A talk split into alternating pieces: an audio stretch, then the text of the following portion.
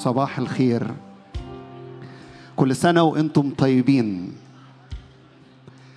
عاوز في بداية يومنا وبداية احتفالنا ونهاية سنة 2021 نرفع إيدينا كده ونقول الرب إحنا بنعظمك إحنا بنباركك إحنا بنديك كل المجد لأنك عبرت بينا السنة وجاي تدخلنا إلى سنة جديدة مليانة مجد مليانة حضور مليانة نعمة مليانة سكيب مليانة فهم واستنارة. ارفع إيدك. مجرد انك تشكر الرب في بداية هذا الاحتفال كده وتقول يا رب أشكرك لأنك عبرت بيا سنة لأنك موجود في هذا المكان وأنت متحد بتتابع معانا من البلد اللي أنت فيها. أشكر الرب لأنه عبر بيا وبيك وعبر بينا وعبر بكنيسته أزمنة ايا كانت هذه الأزمنة لكن بنعبر بنعبر بنعبر. هو بيعبر أمامنا وإحنا بنعبر وراء إلهنا اللي بنعبده وبنعظمه. فمرة تاني مد إيدك كده وأشكر الرب. قول له أشكرك لأنك عبرت بيا سنة وبتدخل بيا إلى سنة جديدة باسم الرب يسوع. هللويا.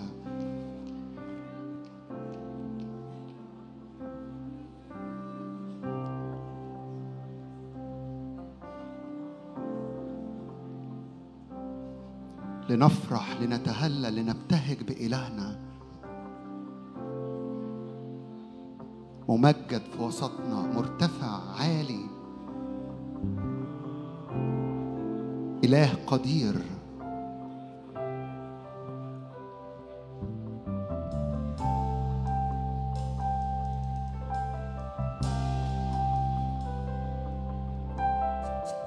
قال رب ادعوني فأجيبك ادعوني فأجيبك ادعوني فأجيبك.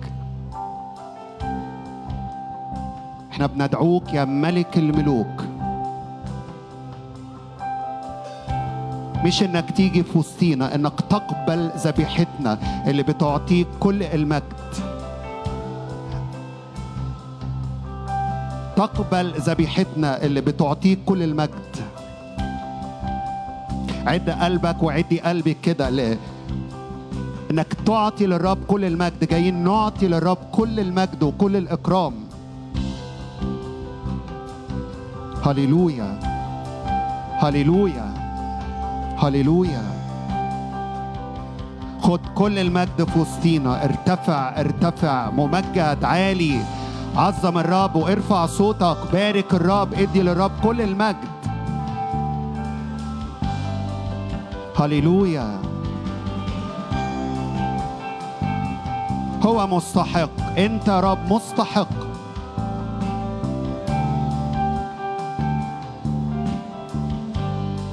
عاوز أقرأ معاكم زكريا تسعة من عدد تسعة.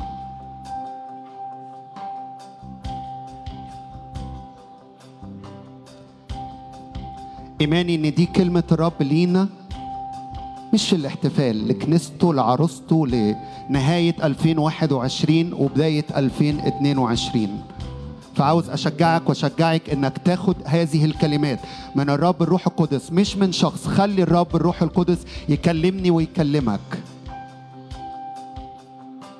زكريا تسعة عدد تسعة. ابتهجي جدا يا ابنة صهيون ده أنا وإنتم دي الكنيسة. اهتفي يا بنت أورشليم. ليه؟ هو ذا ملكك يأتي إليك. هو عادل ومنصور ووديع وراكب على حمار وعلى جحش ابن أتان. هذه النبوة كانت عن يسوع المسيح عند دخوله أورشليم. وهذه النبوة بروح النبوة لينا وإحنا بننهي 2021 وبندخل 2022 ابتهجي جدا يا ابنة صهيون. اهتفي يا بنت أورشليم. هو ذا ملكك يأتي إليك. هو إيه؟ عادل منصور وديع. ملكنا عادل منصور وديع. وأقطع المركبة من إفرايم والفرس من أورشليم. وتقطع قوس الحرب إيه اللي يحصل. ويتكلم بالسلام للأمم وسلطانه من البحر إلى البحر ومن النهر إلى أقاصي الأرض. الملك يستعلن في وسطينا هو عادل هو منصور هو وديع. وكل حروب كل استنزافات حصلت المرحلة اللي فاتت. في نهاية ليها الرب يضع حد ليها ويستعلن إله السلام ويتكلم بالسلام للأمم سلطانه من البحر إلى البحر. ومن النهر إلى قاصي الأرض. وأنت أيضا فإني بدم عهدك قد أطلقت أسراق من الجب الذي ليس فيه ماء. أي حد في المرحلة اللي فاتت السنة اللي فاتت السنتين اللي فاتوا أيا كان اتزنق وبقي محصور في الأسر في الجب. الرب النهاردة بيعلن كده بدم عهدك في عهد مختوم بالدم بدم عهدك قد أطلقت أسراق من الجب الذي ليس فيه ماء وفي مية كتير منسكبة من عرش النعمة. علينا ونخرج مليانين نخرج شبعانين نخرج ممتلئين من ماء الحياة. ركز معايا في الآيات اللي جاية. ارجعوا إلى الحصن يا أسرى الرجاء. اليوم إني أصرح إني أرد عليك ضعفين. في تصريح من السماء لكنيسة الرب والشعب الرب رجوع إلى الحصن في حضن الآب حيث الشركة حيث العلاقة حيث الالتصاق بالرب حيث القوة والسلطان حيث التأثير في أمور على الأرض لأن ملكوت الرب يأتي لأن الملك يستعلن. ارجعوا إلى الحصن يا أسرى الرجاء. اليوم إني أصرح. إني أرد عليك إيه؟ جاهز؟ جاهز إنك تملى. يمكن أنت كنت جاي بس يرد ليك اللي فات. الرب يقول لك أرد عليك ضعفين. تيجي الآية اللي الرب عاوز يشجع بيها كل واحد واحدة فينا وتدخل بيها سنة. لأني أوترت يهوذا لنفسي وملأت القوس إفرايم وأنهضت أبنائك يا صهيون على بنيك يا يونان وجعلتك كسيف جبار. لأني أوترت يهوذا لنفسي وملأت القوس إفرايم. الحمد التسبيح تعظيم الرب ده سلاح في إيدين الكنيسة. ترفع الرب وتعظم الرب. معارك كتير بتحسم. فاللحظات اللي جاية والأيام اللي جاية والسنين اللي جاية كل مرة هنرفع فيها الرب.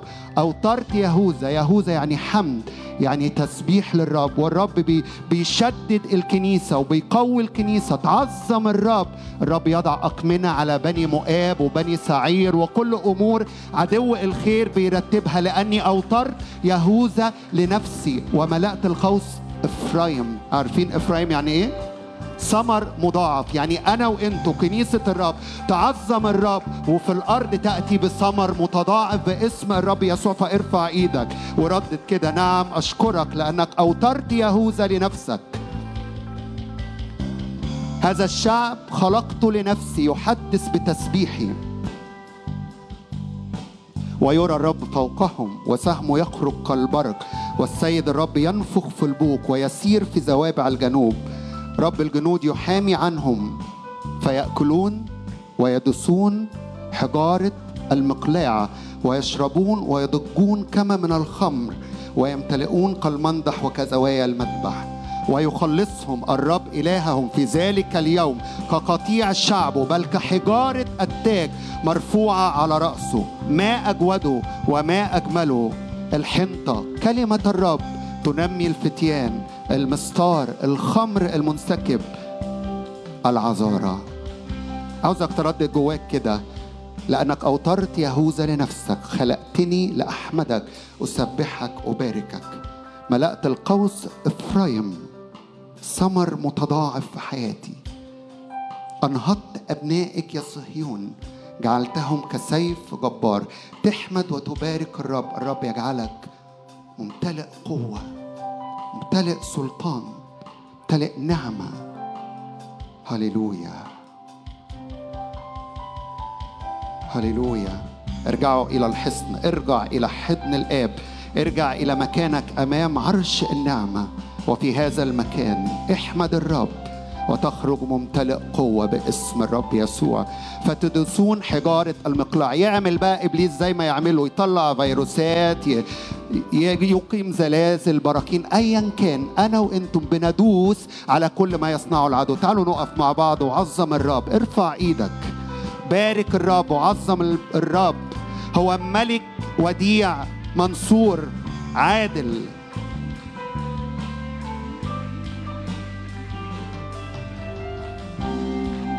هللويا هللويا هللويا نعم بنعظمك. لأني أوترت يهوذا لنفسي ملأت كنيستي حمد وتسبيح تمجيد ليا. ملأت القوس إفرايم انتصارات وراء انتصارات ثمر متضاعف في حياتنا. أنهضت أبنائك ارجعوا إلى الحصن يا أسر الرجاء من الجب الذي ليس فيه ماء. في الحصن في يسوع في المسيح. لنا حرية لنا رجاء. هللويا. هللويا.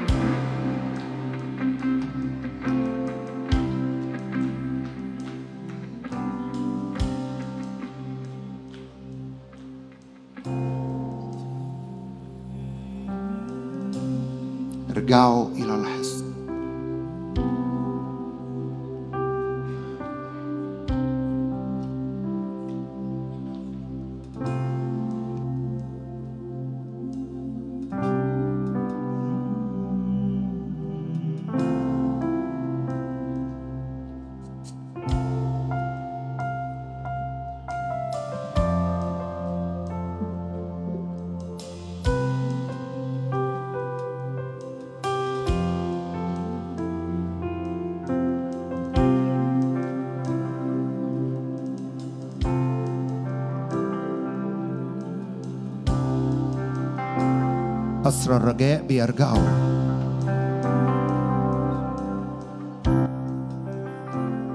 كل حتت اتأثرت فينا بنعود بنرجع.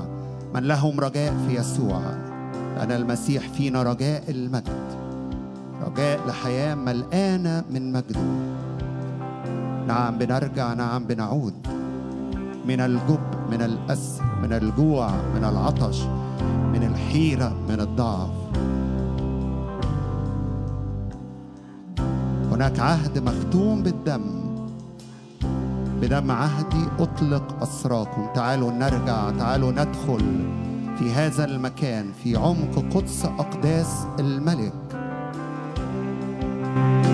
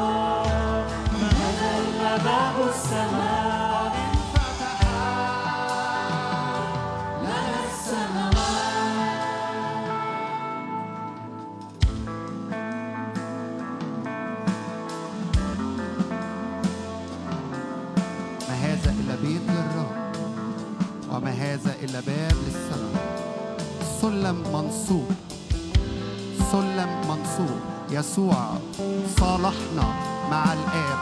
هو حلقة الوصل بين الأرض وبين السماء. يسوع المسيح. من خلاله أنا وأنتم بنرجع إلى هذا المكان وبندخل هذا المكان. وبيصير هذا المكان هو المسكن الحقيقي ليا وليك. في كل حين أقدر أدخل في هذا المكان. في هذا المكان لنا حرية لنا حياة. المسيح فينا ونحن فيه.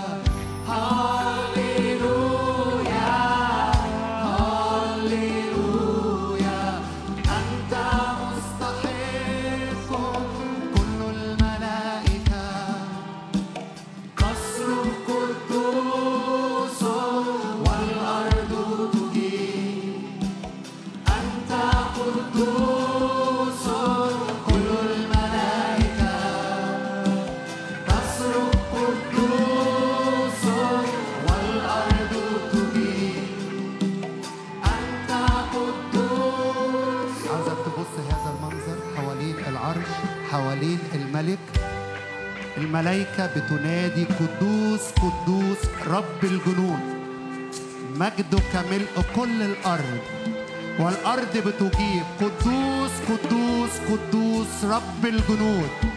مجدك ملء كل الأرض. هللويا. عظم الملك عظم الملك.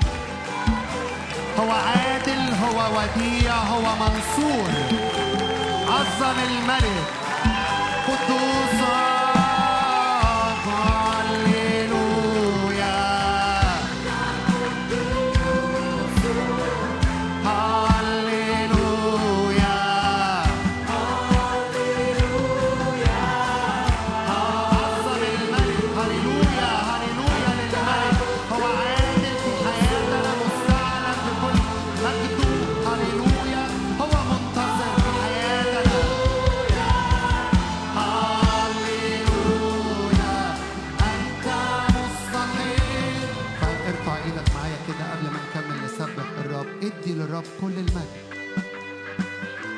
كل مناطق حصل فيها خزي. ادي الرب المجد.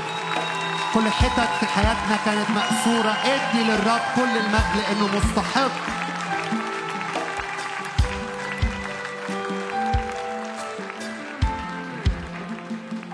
ادي للرب كل المجد.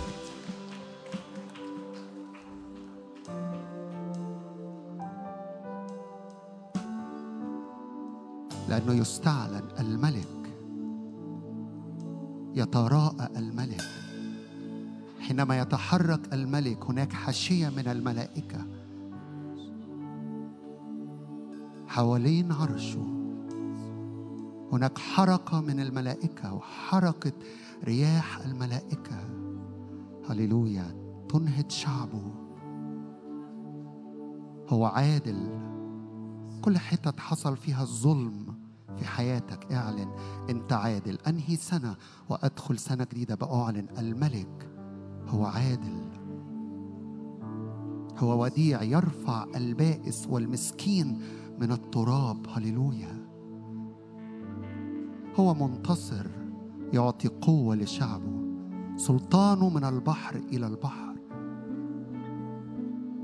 سلطانه من النهر إلى النهر.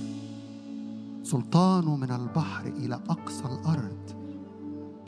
هللويا. إني أوترت يهوذا لنفسي وملأت القوس إفرايم وأنهضت أبنائك يا صهيون وجعلتك كسيف جبار. هللويا. شددتك أيدتك عضدتك يهوذا حمد وتسبيح للملك. ملأت القوس إفرايم ثمر متضاعف. هللويا هللويا. ننهي عام ونبدأ عام ملآن مجد ملآن. الملك مستعلن فيه. يهوذا الذي يحمد الرب.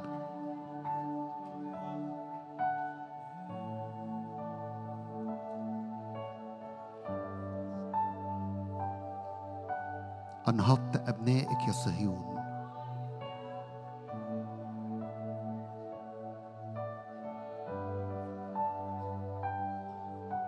الملك مستعلن في وسطنا وحركت حركة ملائكة الرب في هذا المكان. هو الجاعل ملائكة رياح وخدامه لهيب نار. هللويا.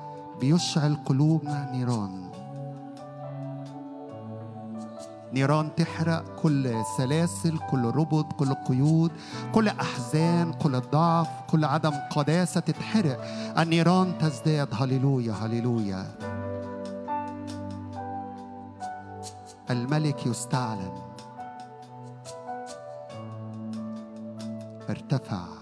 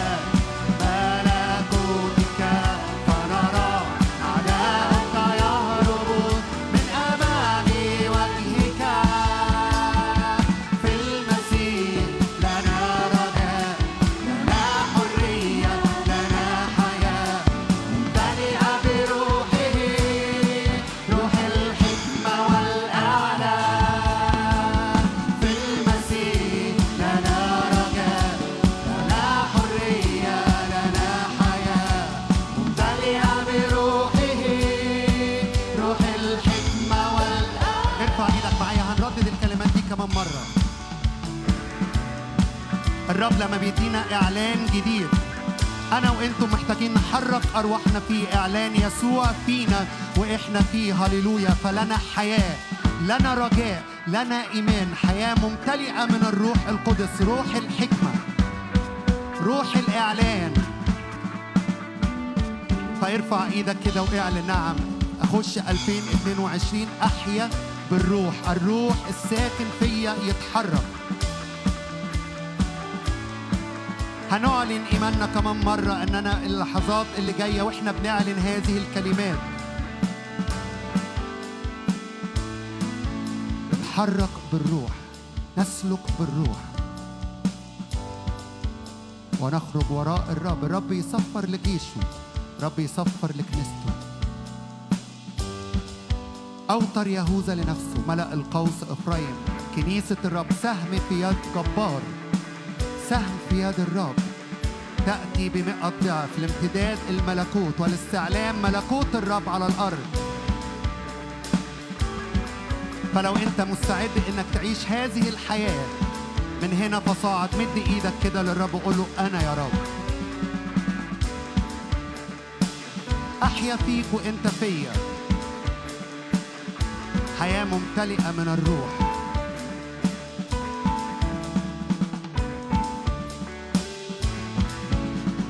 في المسيح لنا رجاء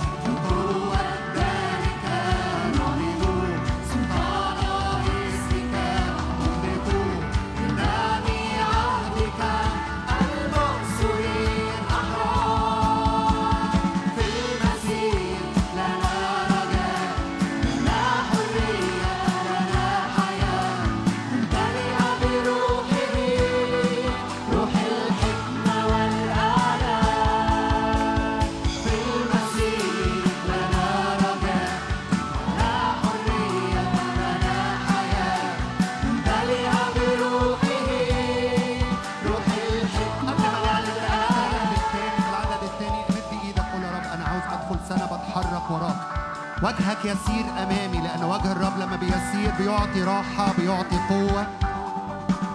الملك المنصور بيعبر أمامنا فنعبر فاتحرك في مقاصد الرب ومشيئة الرب ودعوة الرب لحياتي والكنيسة تتحرك في ملء الأزمنة ليها ملء القوة ليها.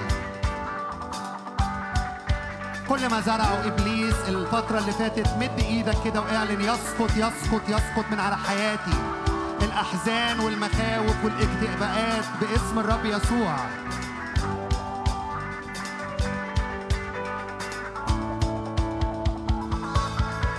نعم بنخرج وراء الرب. مليانين إيمان مليانين جرأة مليانين قوة وسلطان. هو قال كده أعطيكم سلطان أن تدوسوا الحياة والعقارب ولا يضركم شيء. فارفع إيدك للرب وعظم الرب. المسيح فينا لن نخاف لا تخاف الكنيسة. تمتد وتتسع إلى اليمين وإلى اليسار ويستعلم ملكوت الرب. من النهر إلى النهر ومن البحر إلى أقصى الأرض. نخرج وراء صوتك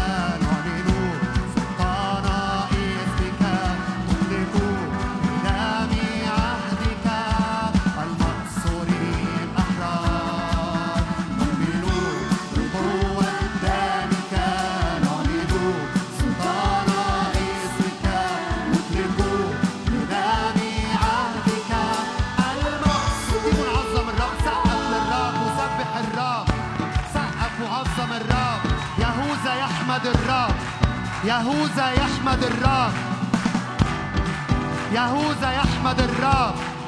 إني أوترت يهوذا لنفسي يقول الرب. لا نخاف من أزمنة لا نخاف من أوبئة لا نخاف من براكين لا نخاف من زلازل. هللويا نتحرك بقوة وبسلطان وبإيمان.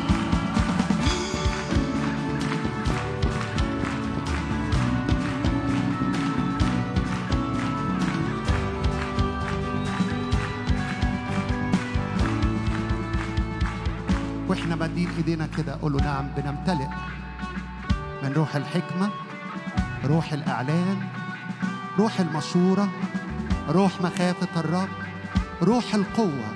نمتلئ من روح الرب. المسيح فينا. رجاء للمجد. نعم نمتلئ. نعم نمتلئ.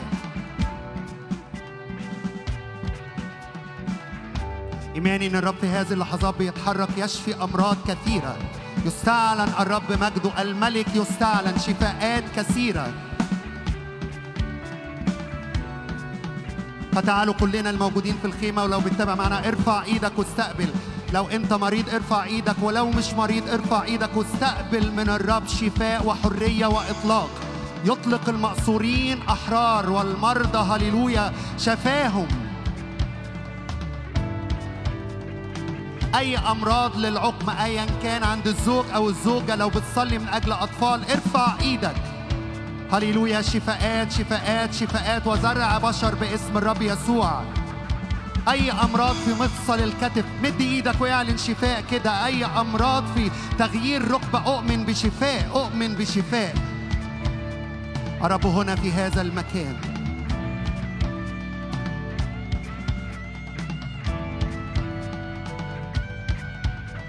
هللويا. نعبر نعبر نعبر نعبر ونترك كل هذا.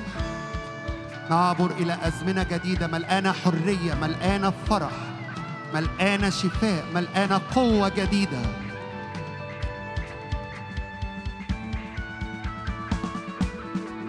والموسيقى بتعزف وإحنا بنعظم الرب. ارفع إيدك مرة تاني لإني أؤمن بشفاءات كثيرة.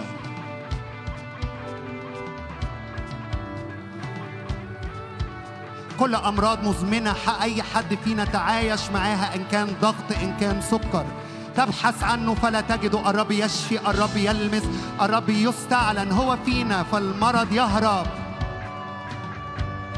المرض يهرب. سلطان إبليس لا يكن على أجسادنا أو أرواحنا أو نفوسنا أو بيوتنا.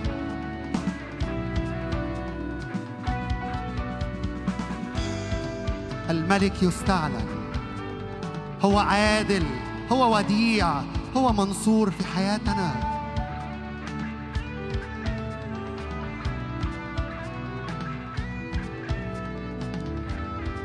أي حد هنا أو بيتابع عنده مشاكل في سلسلة ظهره أو في الفقرات أو في الرقبة إيماني إن الرب يشفي. هللويا. المسيح فينا. هو رجاء لحياة ملقانه مجد ملقانه حرية. ملقانة فرح وملقانة شفاء تعالوا نفرح بالرب مرة تاني ونعلن نعم في المسيح لنا رجاء. إلى حياة ملقانة مجد لنا حرية لنا حياة. هذه الحياة ممتلئة بقوة الروح.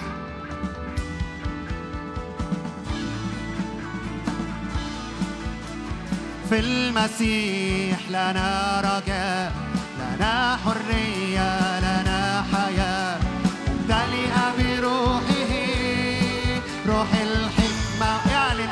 المسيح والمسيح فيا.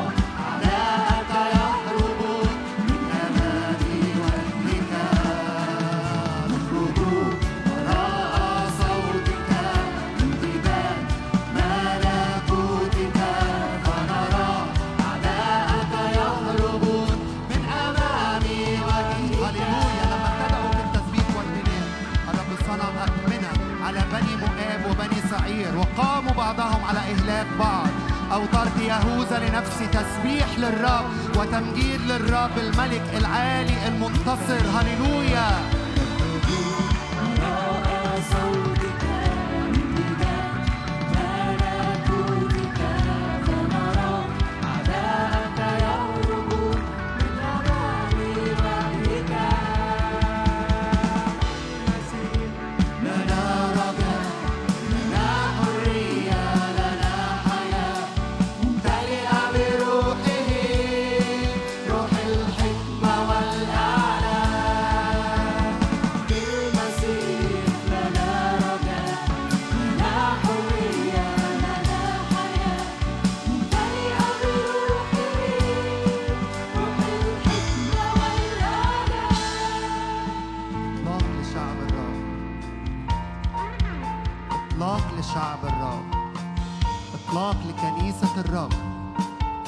مؤيدة بقوة الروح القدس.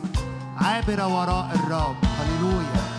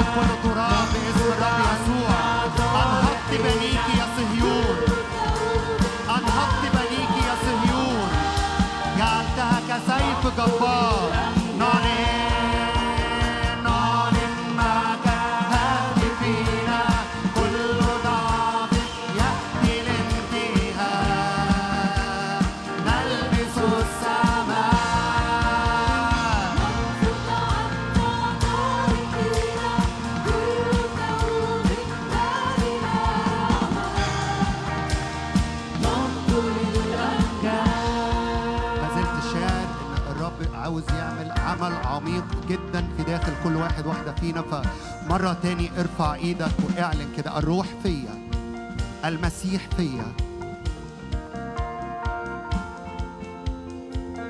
أعبر من كل حتة واقف فيها من كل ضعف أنا عايش فيه من كل انحناء تحت أمور تحت أحداث تحت ظروف. أعبر من هذا المكان. يسوع أقامنا معه قيامة وحياة باسم الرب يسوع عبور باسم الرب يسوع. إلى أزمنة ملقانة مجد ملقانة هتافات ملقانة انتصارات. حياة ممتلئة من الرب. الحنطة تنمي الفتيان كلمة الرب تنمي شعب الرب. يكون شعب قوي. يدوس على حجارة المقلاع. نعم في هذه اللحظات نعبر من كل أراضي إبليس زنقنا فيها. أي أراضي حزن أي أراضي اكتئاب أي أراضي كان فيها خسائر أي أراضي فيها ضغوطات باسم الرب يسوع. نعبر إلى أراضي رحم. أي أراضي ما كانش فيها مية واقفين فيها. نخرج من هذه الأراضي إلى أراضي ملقانة من الماء.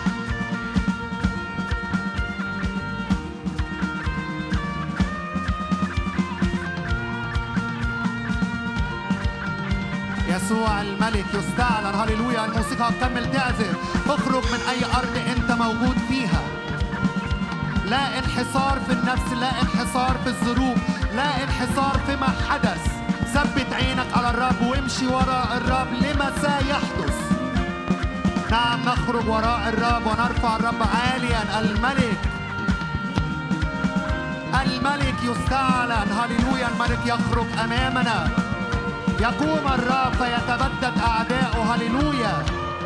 ننسى ما وراء ننسى ما وراء ننسى ما وراء.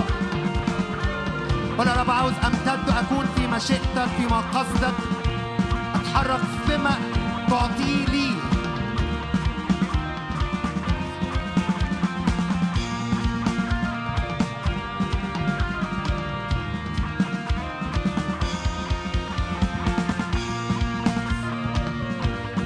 الرب بيطلقنا. ما زالت ال- الأبواب مفتوحة فنخرج من أرض أرض الحزن أرض الخوف. إلى أرض الثقة إلى أرض الشبع إلى حضن الآب.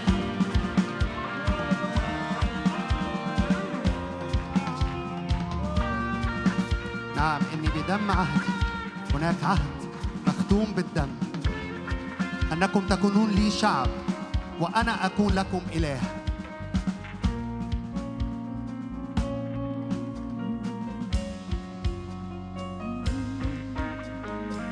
عهد الرب لا ينقطع. أكون معك. أكون معك.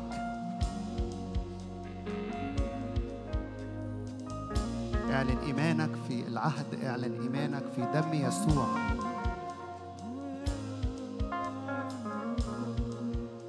إني أصرح لكم. أرد عليكم ضعفين. فلو كان في حزن ضعفين من الفرح لو كان في مرض ضعفين شفاء وقوة كان في سلب ضعفين لاسترداد كل ما سلبه العدو باسم رب يسوع. إن كنت تايه أو بتلف وتدور ومش عارف تتحرك في مقاصد الرب ودعوة الرب لحياتك ضعفين ضعفين ضعفين. أوترت أوترت يهوذا لنفسي. ملأت القوس إفرايم ففي دعوة الرب لحياتك في خدمة ملكوت الرب وأنت بتتحرك في مقاصد الرب. ثمر متضاعف باسم الرب يسوع. مد إيدك مرة تانية قول يا رب أكون في المشيئة أكون في القصد. لا أكون في الضعف أو الانحناء. عظم الملك عظم الملك. استقبل من الرب اخرج وراء الرب اخرج. اخرج وراء الرب هللويا. هللويا كنيستك تخرج وراءك. أنت تعبر أمامها. كنيسة منتصرة. كنيسة غالبة. لا تخاف الموت. المسيح فيها رجاء إلى حياة ملقانة مجد ملقانة حياة ملقانة نصرة ملقانة غلبة. الرب يصفر ونخرج وراءه. لامتداد ملكوتك استعلان ملكوتك ملكوت سلام ملكوت بر ملكوت فرح ملكوت قوة.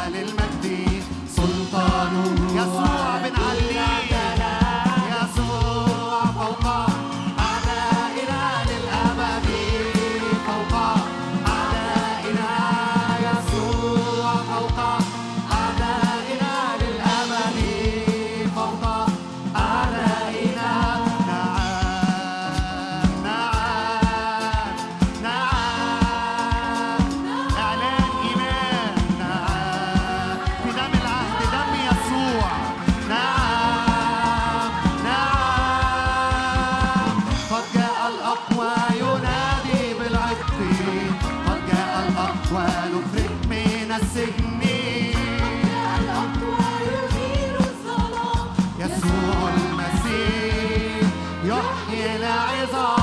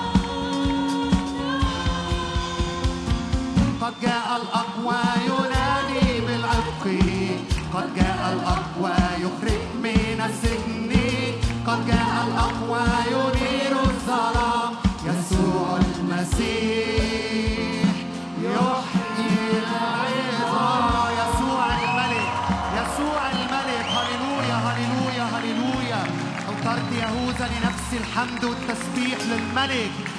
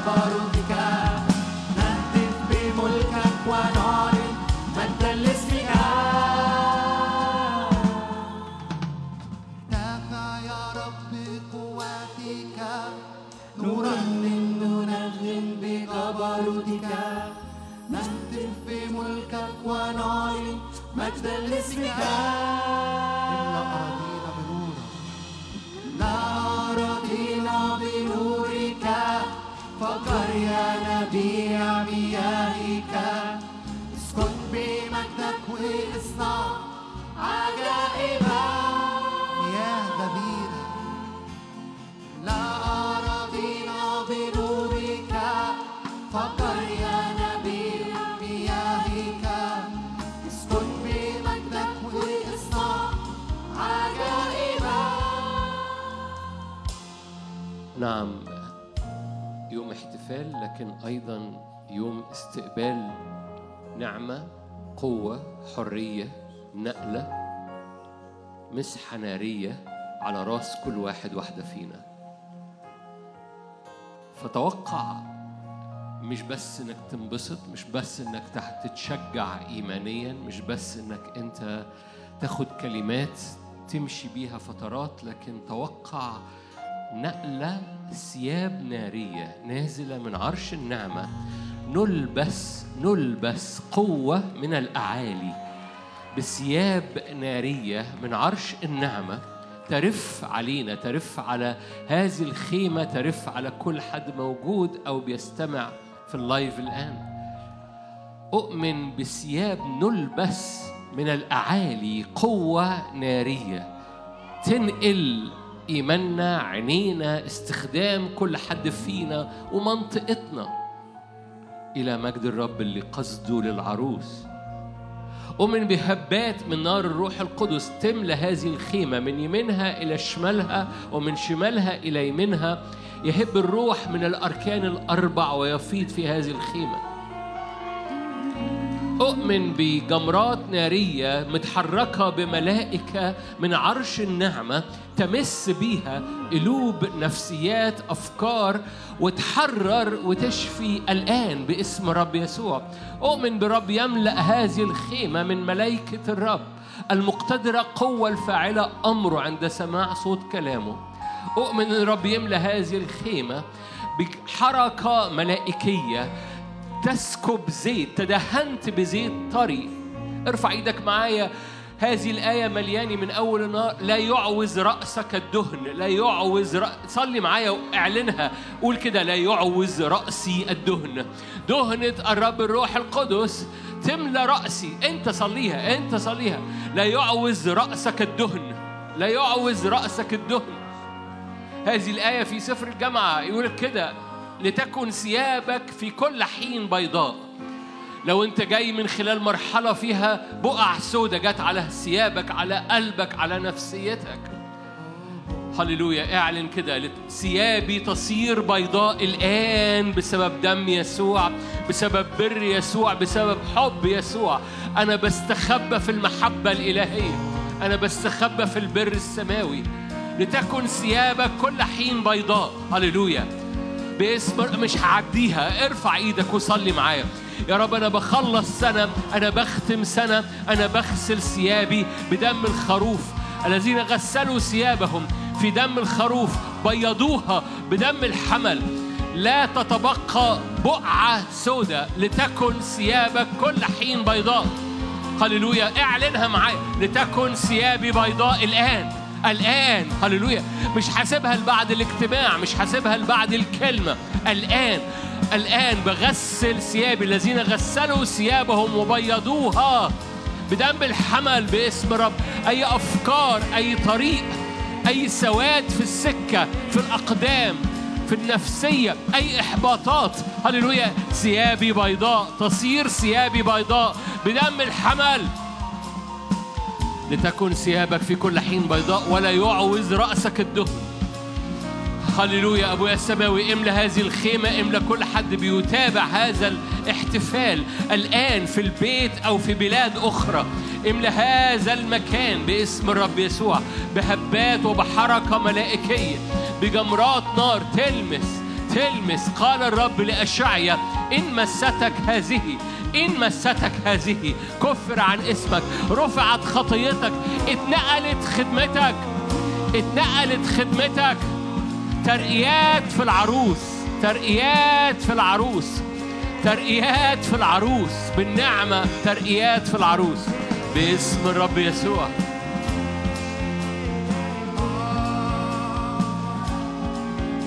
هللويا.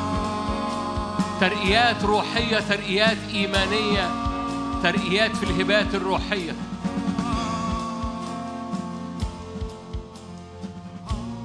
هللويا. أؤمن بكحل جديد للعينين للإبصار. أؤمن بصلابة جديدة في القلوب. أؤمن بأرجل جديدة وأحذية استعداد إنجيل السلام. تملى رجلين كثيرة. أؤمن لفترات طويلة الكنيسة كانت ماشية حافية. بمعنى مش لابسة هذا الحذاء لاستعداد إنجيل السلام. ومن رب يعد عروسته بأحذية قوة أحذية مهابة أحذية تخرج بيها. باسم رب يسوع باستعداد إنجيل السلام وبقوة تدوس الحياة والعقارب أؤمن بنقلة في إخراج الشياطين أؤمن بنقلة في الآيات والعجائب في في الحياة وفي الأشغال. أؤمن بنقلة في في سلطان إخراج الشياطين أن رب يدي أحذية جديدة للعروس باسم رب يسوع. اللي أنت كنت بتخاف منه قبل كده لن تخاف فيما بعد. اللي أنت كنت بتخاف منه لن دوسي يا نفسي بعز. باسم دوسي يا نفسي بعز. الرب سلطني على الجبابرة.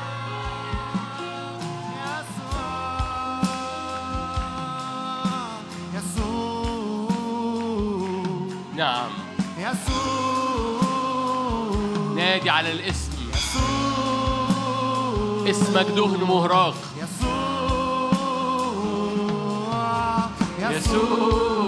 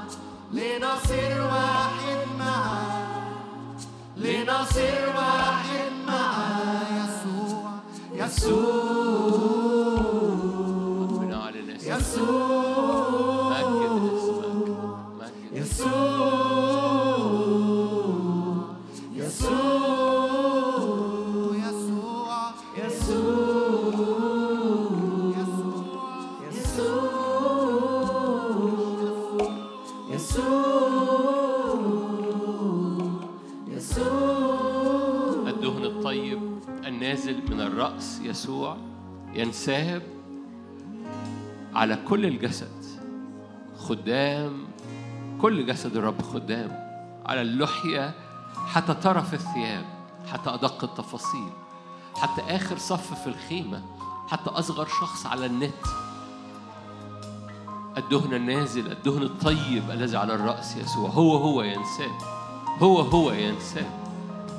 على حياتك على قلبك على نفسك. تدهنت اعلنها. تدهنت بزيت طري. كأسي ريا. خير ورحمة. اعلنها. اعلنها. كلنا حافظين هذه الآية. اعلنها. تدهنت بزيت طري. كأسي ريا. خير ورحمة. يتبعانني كل أيام حياتي. مرة كمان. اعلنها بإيمان. تدهنت بزيت طري كأسي ريا خير ورحمة يتبعانني. كل أيام الحياة هللويا. مرة كمان إيه رأيكم؟ تدهنت بزيت طري كأسي ريا خير ورحمة يتبعانني. كل أيام الحياة. تعالوا نقول الآية اللي قلناها قبل كده. هللويا. لا يعوز رأسي الدهن. اعلنها. لا يعوز رأسي الدهن. هللويا. أبويا السماوي الزيت النازل الدهن الطيب النازل من الرأس يسوع. ينساب حتى طرف الثياب. حتى آخر صف. حتى أبعد شخص. حتى الأشخاص اللي حاسين إنهم بعاد روحيا من اللي بيحصل. أنت زيتك ينساب بالنعمة. تنقذ غير البريء. تنقذ غير البريء. حتى الأشخاص حاسين إنهم بعاد روحيا عن اللي بيحصل. أنت تنساب عليهم الآن. حتى طرف الثياب حتى أبعد حتة في الجسد. حتى اللي قاعدين بيشاهدوا على النت. يأمر الرب بالبركة. يأمر الرب بالبركة. حياة حياة. حياة للدعوة حياة لقلبك. حياة لقلبك. حياة لقلبك. في أشخاص بيتفرغوا في سيدات بتتفرج وبتقول بيتي ما فيهوش حياة. حياة لقلبك. حياة لقلبك. تنفجر باسم الرب يسوع. يأمر الرب بالبركة. حياة للأبد. هللويا.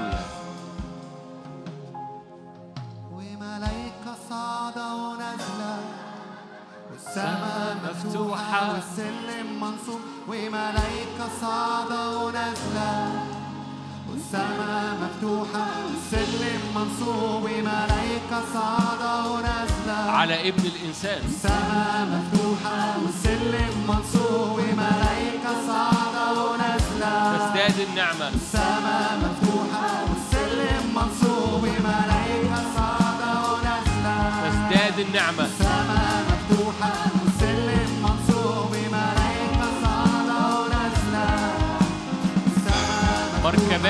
María.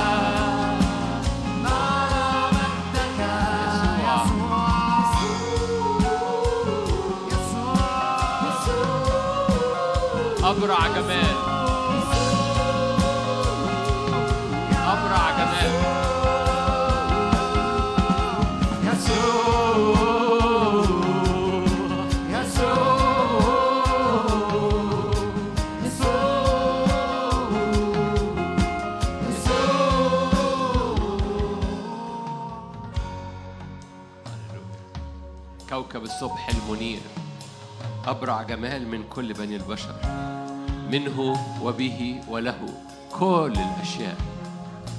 هي بإرادته. هللويا. به نحيا. به نتحرك. به نوجد. في نهاية هذا الوقت من العبادة ارفع إيدك واعلن مظلة عهده مظلة محبته مظلة فدائه مظلة مجده على حياتك على شبابك على بيتك على أولادك على خدمتك. اعلن مظلة الرب. تحت ظله نحتمي. تحت ظله نختبئ. تحت ظله نجتمع. تحت ظله نتحرك. لأننا به نتحرك ونوجد. منه وبه وله كل الأشياء. فاعلن مظلة الرب. تغطي كل حياتك. تحت ظله نحتمي. تحت ظله نجتمع. تحت ظله حياتك بيتك شبابك خدمتك. مظلة أمينة. مظلة أمينة. عهد متقن في كل شيء ومحفوظ. عهد أمانة لا جور فيه. عهد صادق وآمين. هللويا يا رب. ليك كل المجد. قدم تسقيفك للرب. عظم الرب وقدم تسقيفك للرب. مجدا يا رب مجدا يا رب مجدا يا رب مجدا يا رب. قدمها للملك قدمها للملك قدمها للملك قدمها للملك. قدمها تليق بملك الملوك ورب الأرباب. قدمها قدمها وانت باصص عليه. قدمها للرب ده مش تسقيف العادي ده التسقيف اللي يليق بملك الملوك ورب الأرباب. خد وقتك قدمها له. مستحق مستحق مستحق. مستحق. ملك الملوك ورب الأرباب مستحق. هللويا. مستحق. هللويا. مجدا يا رب. مجدا يا رب. مستحق.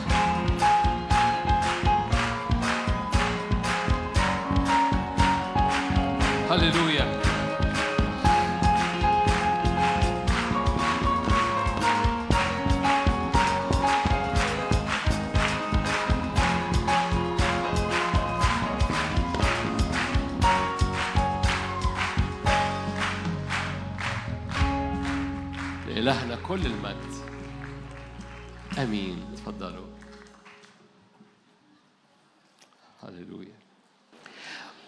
القصة مش احتفال أؤمن إن القصة في هذا اليوم بصورة خاصة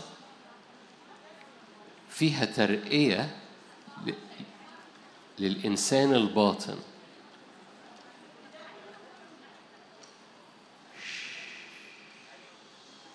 أؤمن إن في هذا اليوم في ترقية لإنسان الروح بتاعنا كلنا. لأن الرب عايز يقوي العروس يجمل العروس ويتمجد في العروس كما لم يتمجد من قبل. إيماني إن الرب عايز مش بس نحتفل مش بس نصلي لكن عايز يسكب قوة ترقية مسحة.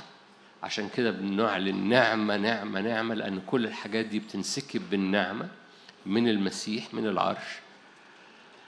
أؤمن أن الرب يريد أن يسكب ترقية في الإنسان الباطن بتاع كل واحد واحدة فينا. إيه هدف الجملة دي؟ إن خلال الكلمات في كلمتين خلال هذا اليوم خلال الكلمات خلال العبادة خلال الصلاة لأن في هذا اليوم مبقاش في وضع يد بسبب العدد الكبير الرب هو اللي بيضع يده مباشرة. أؤمن أن الرب يسكب ويضع يده على إنسانك الباطن بترقية وبقوة مباشرة وشخصية بس هيبقى اختبار جماعي. لو أنت بتتابع هذا العمل من فترة إحنا الرب ناقل إيماننا لأزمنة الاختبار الجماعي.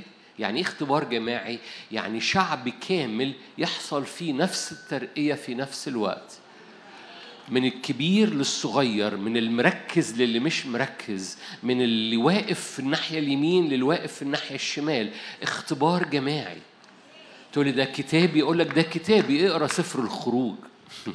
اقرأ سفر الأعمال. في اختبارات جماعية. كل الشعب خرج من أرض مصر. كل الشعب اتغطى بالدم. كل الشعب لم يكن عاثر فين؟ لم يكن عاثر في وسطهم. أنتوا كويسين؟ ما أعرفش بتحلموا حلم ربنا ولا لا بس الرب عنده احلام لكنيسته. واحلامه لكنيسته مليانة مجد مليانة اختبارات جماعية مليانة نعمة. اختبار جماعي. رب يحب الواحد لكن رب يحب عروسته كلها كنيسته كلها. والاختبار الجماعي مستو حاجة أو إيماننا بهذا الاختبار الجماعي مستو حاجة إنه بيقوم مغطي ولادك لو ولادك مش موجودين مغطي جوزك لو جوزك مش مركز. طبعا مش هقول مغطي مراتك لأن دايما السيدات مركزين. لكن فهو ينقذ غير البريء. ما أعرفش تعرفوا الآية دي ولا لأ بس الآية دي موجودة في سفر أيوب. آية جميلة قوي ينقذ غير البريء. إزاي ينقذ غير البريء؟ دي بسبب النعمة بسبب إن في حد واقف قدام الرب بيطلب نعمة وإيديه مرفوعة قدام الرب عشان الآية بتقول كده ينقذ غير البريء بطهارة يديك لأنك بترفع إيدك في نعمة بتنسكب. فتغطي تغطي آخرين حتى. أؤمن بكنيسة الرب تغطي آخرين وبتغطي ناس ضعيفة لأن كنيسة الرب تغطي بلاد. إزاي بنصدق إن كنيسة الرب صلواتها تغطي بلاد وإحنا مش مصدقين إنه ينقذ غير البريء؟ وأؤمن أؤمن أؤمن الاختبار الجماعي سيغطي عشان كده بنقف من أجل بلادنا. عشان كده بنقف من أجل بلادنا زي ما هنقف بعد دقايق أنا بس لسه في المقدمة بس فعايز أشجعكم لأن الرب يريد أن يصنع أمور عظيمة. إيماني إيماني إيماني. تعالى مد إيدك معايا وأنت قاعد دلوقتي. قول له يا روح الله هب عليا يا روح الله هب على هذه الخيمة. يا روح الرب استقر كشعلات نار على رأس كل حد فينا. روح الرب من من الأركان الأربع هب يا روح من الرياح الأربع. املى هذه الخيمة املى كل شخص بيشاهد الآن على النت. لتستقر نيرانك لتستقر على راس كل حد زي أعمال اتنين. استقرت شعلة النار على راس كل حد فيهم. يا رب بلادنا عطشانة. إحنا عطشانين. أراضينا عطشانة. لكل ترقية روحية لكل نعمة روحية. إنك تعدي وتكنس في أراضينا بزيارة من رجاء من مراحم من نعمة من محبة. وتغسل في أراضينا. تغسل وتمسح مسحة روحك القدوس كل راس فينا. فيا رب مدين إيدينا. بنعلن عطشنا. بنعلن عطشنا. إنك تملانا كما لم تملأنا من قبل هذا اليوم. بنعلن عطشنا إنك تضرم نعمتك ونارك فينا كما لم تضرمها من قبل. يا رب من أجل الأزمنة اللي جاية من أجل السنين اللي جاية من أجل حقبة الزمن اللي إحنا داخلين عليها. تعالى يا رب املانا بكعك حضورك. تعالى املانا بشبع حضورك زي ما مليت إيليا بالكعكة فصار أربعين يوم وأربعين ليلة. املانا بنعمة تصيرنا الفل الأربعين الم- المرحلة الكاملة وكي نحسمها. تعالى ملانا بنعمة تعبرنا مراحل كاملة بنصرة وبغلبة. قول يا رب تعالى ملاني استقر على قلبي استقر على ذهني. لو محتاج شفاء هناك نار للشفاء. لو محتاج راحة أو حرية هناك نار للحرية والراحة. لكن أيضا هناك مسحة لإنسانك الباطن لكي تأكل تشبع وتسير بقوة المسحة. أربعين يوم أربعين يوم يعني مرحلة كاملة اختراقة كاملة مسحة كاملة غلبة كاملة لا نقصان فيها. باسم رب يسوع. يا روح الله املى هذه القاعة املى كل حد جه من بعيد ومن قريب من بلاد أخرى ومن أمم أخرى موجودين و... وبيشاهد في بلاد أخرى. املانا في البيوت املانا في هذه الأزمنة. بنيران حضورك. املى عروسك بمجد. اغسلها اغسل رجليها ولبسها حذاء استعداد إنجيل السلام بقوة جديدة ومسحة جديدة في اسم الرب يسوع. آمين آمين آمين آمين. في هذا اليوم المشاركات بتبقى مختلفة عن المشاركات الطبيعية لأنه مش الهدف عظات لكن الهدف ومش الهدف وعود للسنة. كالعادة مش بنشارك بوعود عن السنة. لو عايزين نشارك بوعود في وعود عن السنة. لكن الوعد الغالي بالنسبة لي هو إن الرب يطلع العروس المجيدة القوية الطاهرة كالشمس المرهبة كجيش بألوية وده وعد لا يتغير بالنسبة لي ملوش تاريخ صلاحية مستمر من يوم إلى يوم. والعروس دي حضرتك وحضرتك عشان كده حضرتك وحضرتك جميل. ما خدتوش بالكم حضرتك وحضرتك جميل. تقدر تحط ابتسامة على وشك عشان يزداد جمالك. هو يجمل الودعاء مش كده؟ يجمل الودعاء بالخلاص. فمرة أخرى مشاركات هذا اليوم ما هياش عظات عادية يعني العظات المعتادة لكن هي لها علاقة ب ب بحب أستعمل كلمات في بعض الأحيان بتضايق البعض لكن لها علاقة باستراتيجيات الروح أو حكمة الروح لمفاتيح لعبورنا الأزمنة اللي جاية. فبرغم إن أنا هشارك هقرأ شواهد وبص في هذه الشواهد لكن ويمكن الاجتماع التاني يبقى مور أكتر مهدف وأكتر بيحكي عن سنة من الأزمنة اللي جاية. لكن حتى في الاجتماع الأول هذه الشواهد أو هذه المفاتيح هي من أجل الأزمنة اللي جاية. في النص هبقى بعلق تعليقات صغيرة. فممكن نحط على الشاشة لو الآيات هتطلع على الشاشة سفر التكوين تكوين 35 هقرا في هذا ال... هذا ال- الاجتماع الأول هقرا ثلاث شواهد أساسيين ومنهم هشارك حبة مشاركات لهم علاقة. م- معرفش عنك بعضكم بيعمل كده أنا شخصيا بعمل كده أنا برجع لهذا الاحتفال على مدار السنة علشان فاكرين لما الرب قال لتيموساوس اهتم بهذا كون فيه أنا قلت لك حبة حاجات اهتم بيها كون فيها. فأنا شخصيا برجع لاحتفال راس السنة اللي فات على مدار السنة اللي فاتت وأرجع أقول آه ربنا قال كده فأنا محتاج أركز في الموضوع ده. ربنا قال كده فأنا محتاج أركز في الموضوع ده. ولما بعمل كده بجد غلبة أو انتصارات معينة. مرة تاني سفر التكوين تكوين 35 هقرأ من آية 16 رحلوا من بيت إيل. لما كان مسافة من الأرض بعد حتى يأتوا إلى إفراطة ولدت راحيل وتعثرت ولادتها حدث حين تعثرت ولادتها أن القابلة قالت لها لا تخافي هذا أيضا ابن لك. كان عند خروج نفسها لأنها ماتت أنها دعت اسمه ابن أوني. ابن أوني يعني ابن ألمي. أما أبوه فدعاه بنيامين يعني ابن اليمين أو ابن القوة.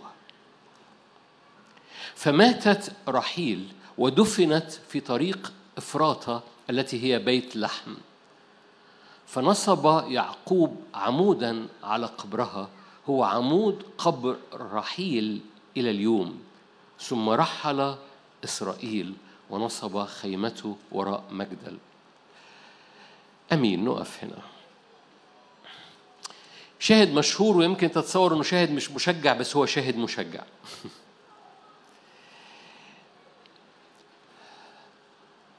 هذا المكان مركب وهبص على حتة حبة حاجات صغيرة فيه لأن هذا المكان بيدينا استراتيجية أو نور أو فهم أو حكمة أو وديعة للتعامل مع السنة اللي فاتت وللتعامل مع كل الأزمنة اللي جاية.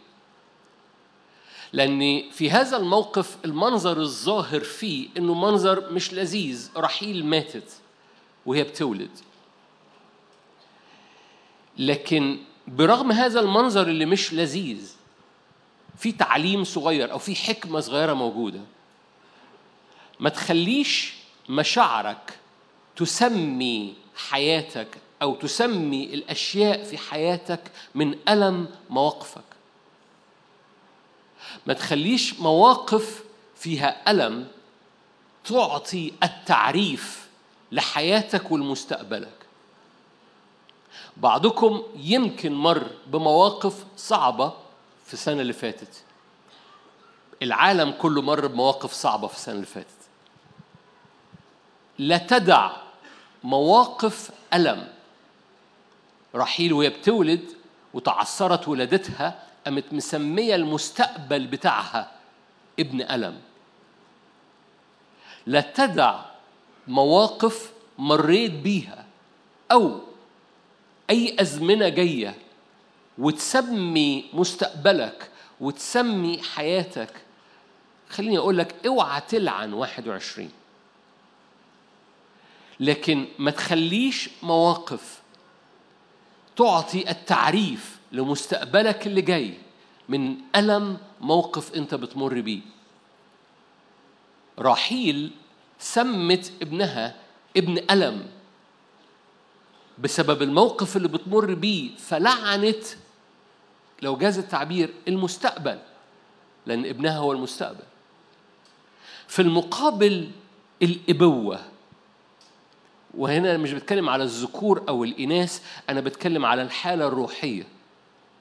الإبوة بتسمي المستقبل من خلال قصد ربنا ودعوة ربنا. يعقوب وخلي بالك يعقوب ده مش اسم الغلبة بتاعه. يعقوب أول ما سمع إن رحيل سمت المصير بتاعها السنين اللي جاية بتاعتها ابن ألم قام غير الموضوع. وقام مسمي السنين اللي جاية نو ابن أوني. أه سوري ابن بنيامين ابن اليمين أو ابن القوة وده مش بتكلم هنا عن ذكر وأنثى مش بتكلم رحيل كأنثى ويعقوب كذكر أنا بتكلم على الإبوة اللي هي معروضة لكل قلبه وقلبك حتى لو حضرتك أنثى. الإبوة بتغير الأزمنة اللي جاية. كثيرين مازال هذا الدرس وهذا الدرس أو هذه الحكمة أو هذا المفتاح هام جدا لينا كلنا بدون استثناء. كثيرين ما زالوا بي بينحصروا في مواقف ألمهم وبيسموا نفسهم وبيلعنوا مستقبلهم من خلال مواقف مشاعرهم وألمهم.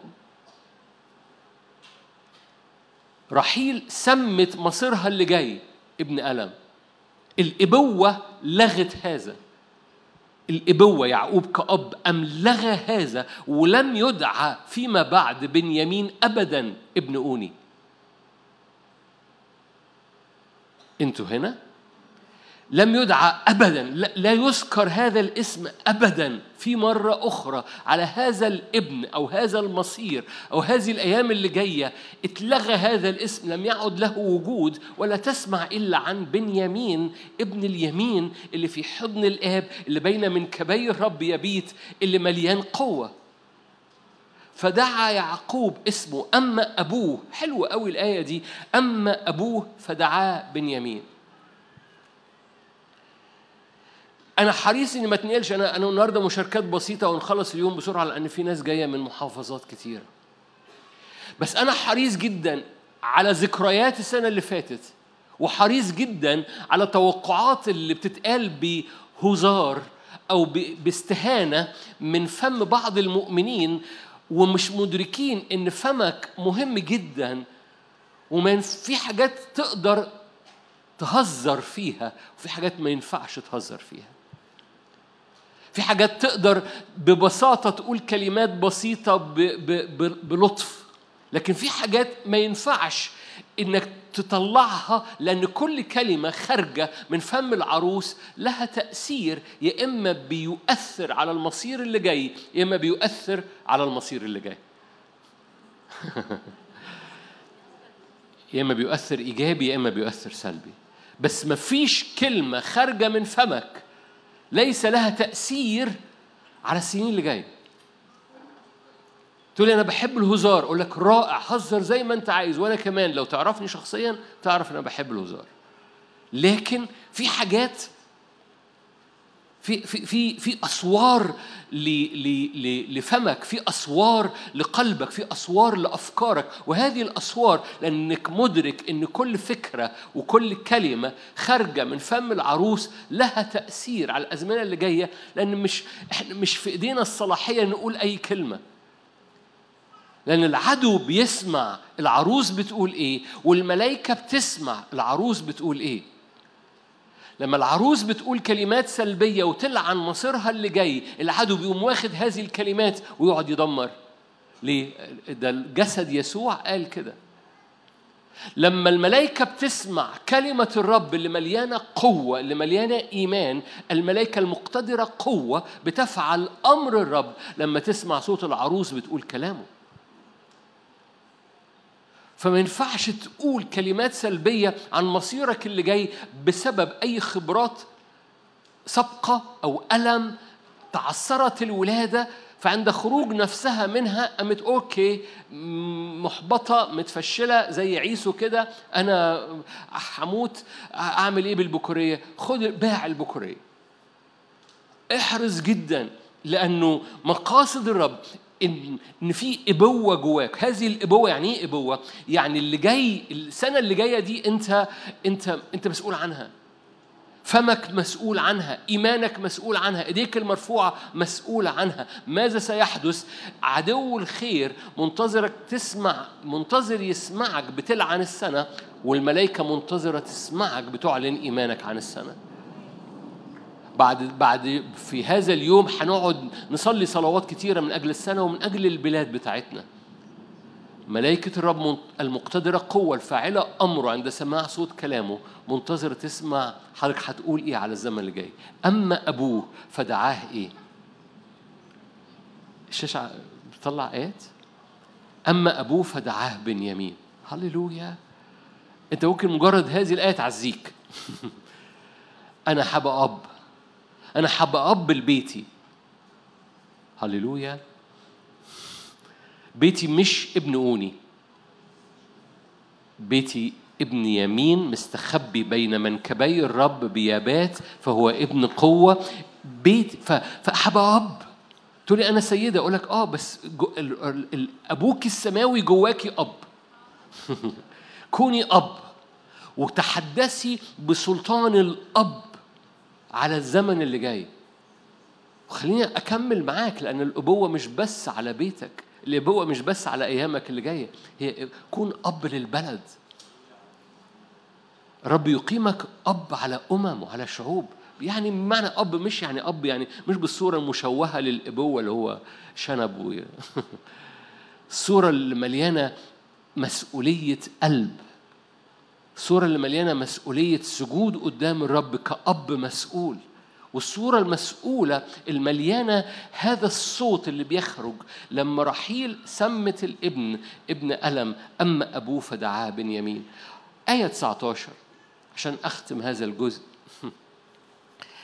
ماتت رحيل ودفنت في طريق إفراطة التي هي إيه؟ أنتوا شايفينها؟ مش شايفينها. بيت لحم. ماتت راحيل ودفنت في طريق إفراط التي هي بيت لحم فنصب يعقوب عمود على قبرها اللي هو موجود فين؟ في بيت لحم. وهو عمود قبر رحيل إلى اليوم. لو أنا قلت لك لو أنا مش في المشاركة كده ودخلت خبط لزق وقلت لك بيت لحم إيه المعلومات اللي عندك عن بيت لحم؟ عمرك ما هتقول قبر الرحيل. مش كده؟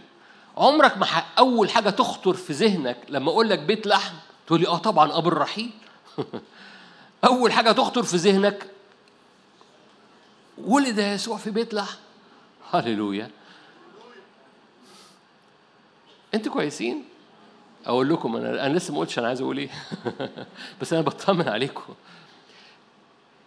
حتى في المكان اللي مليان لو لو السنة اللي فاتت كان فيها محكات صعبه على البعض. وأنا مؤمن أو مدرك إن ده يكون حصل في حياة البعض.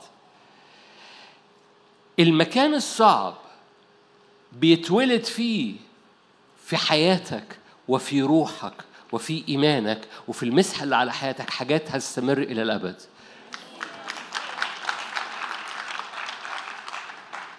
ألمك له تاريخ صلاحية. لكن الحاجات اللي الرب بيولدها جواك هي أبدية.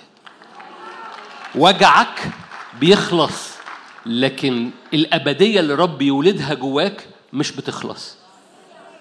سمعة سمعة بيت لحم إنها مكان اللي ماتت فيه رحيل سمعة انتهت لأن السمعة عن بيت لحم هي ميلاد يسوع. Are you here أنتوا هنا؟ وبالتالي من فضلك لا تنحصر في اختبار. اعرف حتى في المناطق اللي فيها ألم. يقول لك يخرج الرب ذهب. كلكم عارفين الآيات دي نهر كيشون اللي بيحيط بأرض الحويلة. وذهب تلك الأرض جيد ليه؟ أرض الألم أرض الحويلة ده. لما النهر اللي خارج من روح القدس يحيط بيها بيطلع ذهب. وذهب تلك الأرض جيد. ألمك بين له موسم أما ما يلد الرب في جواك هو أبدي بيستمر معاك. فمن فضلك مرة تاني ما تلعنش المستقبل اللي جاي ما تسميش المستقبل اللي جاي ده ابن أوني هو ابن اليمين. أما أبوه أنا هرجع مرة تاني أنا مش عايز مش عايز أسيبها. أما أبوه فدعاه بنيامين إيه الجرأة اللي أعطيت ليعقوب؟ إنه يعمل كده. إيه خليني أقول لك مرة تاني. إيه اللي خلى برغم الألم خلي بالك يعقوب كان بيحب رحيل ولا لأ؟ ده ده ده ده خدم من أجلها سبع سنين زيادة. فيعقوب بيحب رحيل جدا ورحيل قامت مسمية الولد ولما الأم تسمي الولد الراجل ما بيعرفش يفتح بقه. إيه الجرأة إيه الجرأة اللي وجدها يعقوب إنه يغير كلمة مراته اللي بتتوفى. أقول لكم رأيي الشخصي هذه الجرأة جاية من إن أبويا السماوي الإبوة غيرت اسمي قبل كده من يعقوب لإسرائيل. فالإبوة عندها القدرة إنها تغير الاسم. حد فاهم حاجة؟ لأن إحنا في تكوين 35 في تكوين 32 كان ربنا غير اسم يعقوب. فيعقوب أدرك الإبوة بتغير الاسم. الإبوة بتعطيك الحق أن تغير المصير أو الاسم اللي جاي. أنتوا جمال جدا. نفسي. آخد سيلفي وتشوفوا شكم وشكوا جميل جدا. ده مش عشان احتفال راس السنة عشان أنتوا جمال. فالإله اللي غير اسمي ده يعقوب اللي بيقول. الاله اللي غير اسمي من يعقوب إلى إسرائيل بيديني الصلاحية بأبوة إني أغير الاسم من ابن ألم إلى ابن القوة لو أنت الشواهد أنا برضو مش شايف الشواهد منظرها بيطلع إزاي قدامك لكن فاكرين نبص على آية 20 وراها آية 21 فنصب يعقوب عمودا على قبرها هو عمود قبر رحيل إلى اليوم ثم رحل مين؟ جننتني يا رب هي الآية اللي قبليها كان اسمه إيه؟ الآية اللي وراها اسمه إيه؟ ليه؟ لأنه اتنقل في الإبوة بتاعته عشان ينقل هذا الابن من ابن ألم إلى ابن القوة. أختي سقفت الوحيدة اللي سقفت بس أنا لا لا لا لا, لا ما أقصدش ما أقصدش ما أقصدش ما أقصدش. بالعكس أنا كنت عايز أقول مش عارف أختي أدركت اللي أنا عايز أقوله ولا لأ. لو استمريت بتمصمص شفايفك. ده اللي حاصل. اهي الدنيا كده. فابن اوني ورحيل سمته ابن اوني وهعمل إيه بقى؟ دي الام سمته كده. لو استمريت بتمصمص شفايفك على الاحداث بتستمر اسمك يعقوب اللي هو أقل من الاسم اللي دعاك بيه الرب. لكن لو اخترت انك تقف في مكان الابوة وتغير الازمنة بإيمان بإعلان نو مش ابن أوني ابن بنيامين ابن القوة. لما بتقف بإبوة عشان ترفع إيدك على الزمن اللي جاي والأشهر اللي جاي والمواجهات اللي جاية وترفع إيدك على بيتك وعلى أسوار بيتك وحركة الروحية تملى القلب بتاعك مع السماء والسماء تملى القلب بتاعك باستجابات. لما تختار إنك تقف مش بمصمصة شفايف سلبية هنعمل إيه؟ إلى إبوة لأن الأب عمره ما بيرى حاجة إلا ما بقلبه ياكله عشان يعمل حاجة لأولاده الأب الصالح يعني.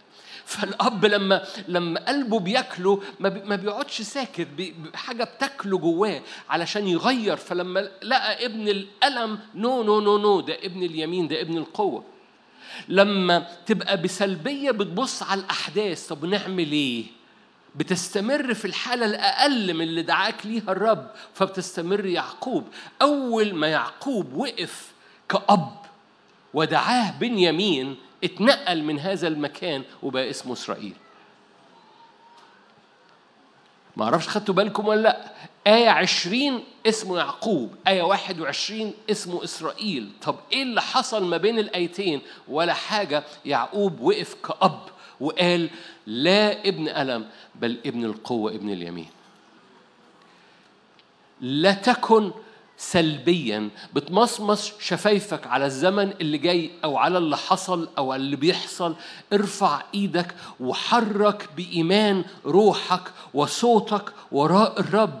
لأن لو ما خرجتش صوتك هنحكي يمكن بعد شوية مش عارف إمتى خلال هذا اليوم ال- الصوت اللي خارج من عدو الخير هيبلعك. مهم جد مهم جدا مهم جدا لينا مهم جدا في اللي فات بس مهم جدا في اللي جاي ليه؟ لأن رب يدعونا آباء للأرض. الأب قلبه بياكله. الأب ما بيقفش ساكت وهو شايف حاجة، شايف حد عمال بيخش البيت يسرق ويخرج وهو قاعد بيتفرج عليه. الأب بيقف وبيسجد وبيصوم وبيرفع إيده بيقف قدام العرش بيتحد مع العرش. فاكرين لما يعقوب قام التحم دي الليلة اللي حصل فيها الفرق؟ أما عدي مراتاته وولاده وقضى ليلة في مخاضة يبوق مع الرب. يقول لك مسك التحم بالحضور الإلهي لدرجة الرب قال له اطلقني. قال له لن أطلقك. عارفين الآية دي؟ إن لم تباركني فأمس حق فخده ودعاه في ذلك لا يعود اسمك فيما بعد يعقوب. فيعقوب متعود على الرب اللي لما بلتحم بيه بيغير اسمي متعود على هذه الإبوة اللي بتغير المصير بتغير الزمن واللخبطة اللي كانت حاصلة وال- والخلاط اللي كان حاصل ويتنقل يعقوب إلى اسم قوة. لأنك جاهدت مع الله والناس وغلبت.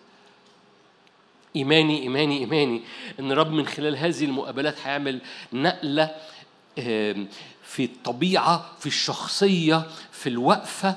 وانت بتقف وحضرتك بتقفي كأب للبيت للأحداث للمستقبل. أو أنت شاب بتقف كأب بالمناسبة الشباب بيعرفوا يقفوا كآباء في بعض الأحيان أحسن مننا.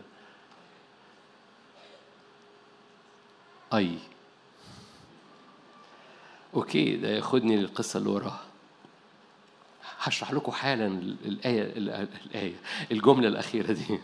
مرقس خمسة. أنتوا كويسين؟ هللويا. الرب عنده حلم. حلمه لحضرتك حلمه لحضرتك هو حلم جماعي بس هو شخصي. إنك طاهر كالشمس إنك جميل كالقمر إنك مرهب كجيش بألوية. بلا استثناء. في شباب موجودين النهارده جايين مع أهليهم مش في دماغهم جايين آه في ناس موجودة النهارده جاية جاي جاي مع مراته جاي مش عارف إيه ومش مش يعني آه okay. حتى أنت حتى انت هو عارفك هو mention عليك. هو هيعمل نقلة في حياتك لا تتوقعها. مش محتاج مش محتاج غير إنك تصدق إنه صالح وإنه بيحبك. مش محتاج غير إنك تصدق إنه بيحبك. ومستعد أول ما يلاقي خن صغير يخش منه لقلبك أو لعينيك أو لمشاعرك هيقوم داخل بكل الحب داخل بكل النعمة. هو لا يأتي ليدين هو يأتي ليغير ليقدس ليطهر ليفرح ليحرر ليريح. هو بيعمل كده. فحتى لو انت موجود النهارده مجرد يعني نصك موجود ونصك بيفكر لما تروح أو لما تخرج لما يخلص الاجتماع ده أنا مش هحضر الاجتماع التاني. بعضكم قاعد بيقول كده. حبة يعني صغيرين. بيقول أنا هحضر الاجتماع ده ومش هحضر الاجتماع التاني. حتى لو انت بتفكر بهذه الطريقة الرب هيدور على خن صغير ويخش منه لحياتك ويقوم آه، أنا حاسس بحاجة مريحة وأول ما تشعر إن في حاجة مريحة بتنسكب على حياتك اعرف ده الروح القدس. ده مش المتكلم ده مش الخيمة ده الروح القدس. فتجاوب معه أمين؟ مرقس خمسة. مرقس خمسة. قصتين مشهورين جدا دايما بيبقوا مع بعض لأنهم حصلوا مع بعض كلكم عارفينهم. قصتين مشهورين جدا في إنجيل مرقس إصحاح خمسة. دايما مع بعض موجودين في متى مع بعض مو مو في في لوقا مع بعض. تقول لي ليه دايما مع بعض؟ أقول لك هم حصلوا مع بعض. okay هقرأ لكم الايات عشان ما أقعدش أتكلم. آية 25 امرأة بنسف دم. عارفين القصة؟ okay. امرأة بنسف دم منذ 12 سنة تألمت كثيرا من أطباء كثيرين أنفقت كل ما عندها ولم تنتفع شيئا بل صارت إلى حال أردأ. لما سمعت يسوع جاءت في الجمع من وراءه ومست ثوبه لأنها قالت إن مسست ولو ثيابه شفيت. الوقت جف ينبوع دمها وعلمت في جسمها أنها قد برؤت من الداء. الوقت التفت يسوع بين الجميع شاعرا في نفسه بالقوة التي خرجت منه. قال من لمسني؟ من لمس ثيابي.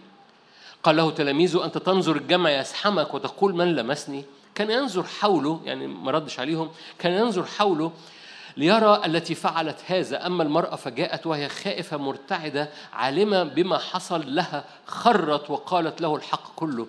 فقال لها يا ابن إيمانك قد شفاك اذهبي بسلام كوني صحيحة من دائك. فيما هو يتكلم جاءوا من دار رئيس المجمع قائلين بنتك ماتت.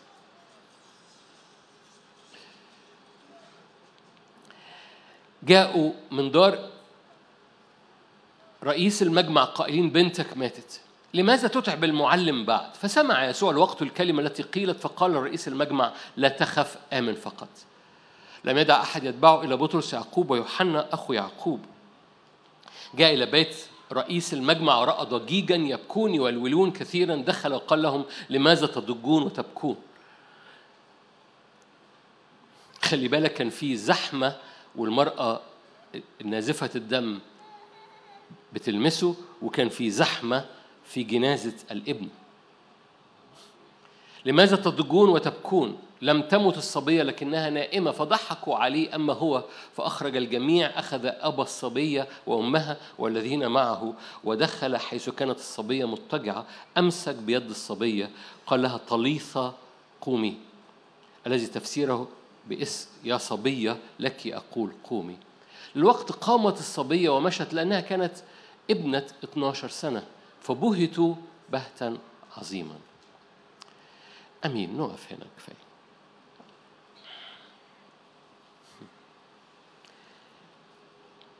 يمكن تساءلت يمكن لم تتساءل. أنا تساءلت كتير قبل كده في الأغلب لغاية لما جاء الميعاد إن ربنا يقول لي الإجابة اللي أنا كنت بتساءل فيها كتير قدامه قبل كده عن ملحوظة في القصتين دول. لأن القصتين دول مع بعض. يسوع كان رايح بيت رئيس المجمع في السكة المرأة لمسته فتعطل فالبنت ماتت فوصل قال له لا تخف آمن فقط وصل البيت وقوم هذه الابنة.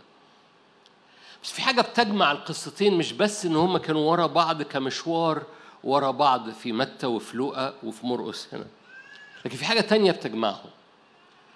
إن البنت كان عندها 12 سنة وإن الست اللي بتنزف بقى لها 12 سنة. والفترات طويلة كنت أقول له آه يا رب يعني جت كده يعني جت بالصدفة جت يعني الست قعدت تنزف 12 سنة وهذه البنت كان عمرها 12 سنة. لغاية امبارح الصبح قام ربنا قام مديني كلمة في الحتة دي لأن أنا كنت بصلي لحاجة معينة مربوطة. الجملة كانت جوايا أنا هقراها زي ما قالها لي. قال في جيل جديد اتربى ونمى في حالة حالة نزف من الجيل السابق وتربى كل عمره. هذه هذه البنت كل عمرها كانت المرأة دي بتنزف. في جيل اتربى في أجواء جيل آخر بينزف طول الوقت.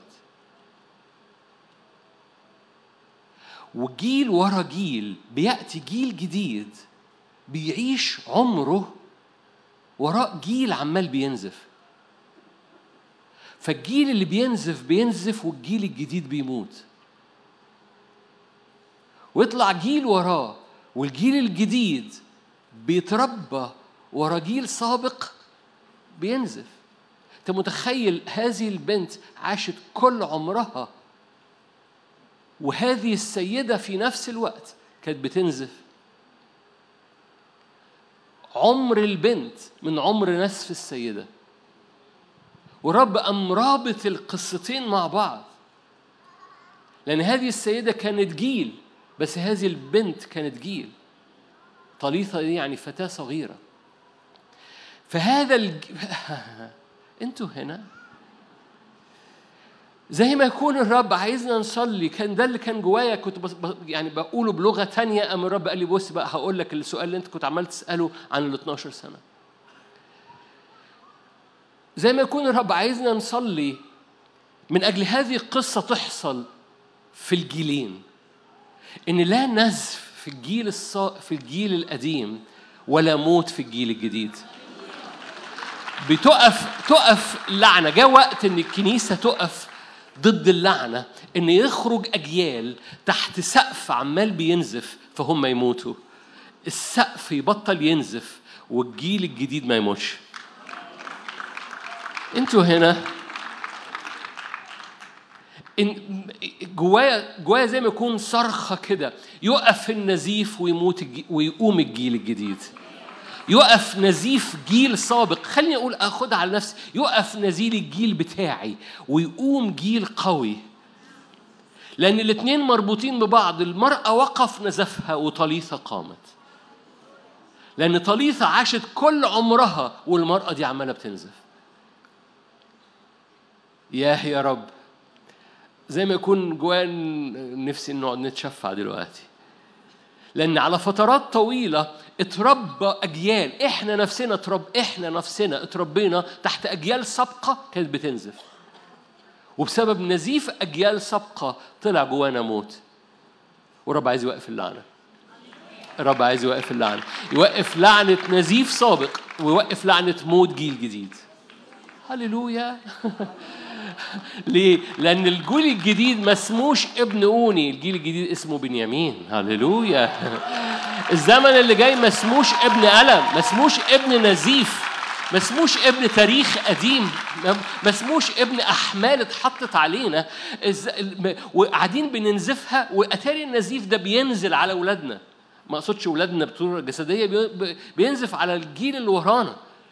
وهذا النزيف قعد 12 سنة في هذه المرأة وقعد 12 سنة هذه الست هذه الفتاة مولودة بس ماتت وهي بنت 12 سنة.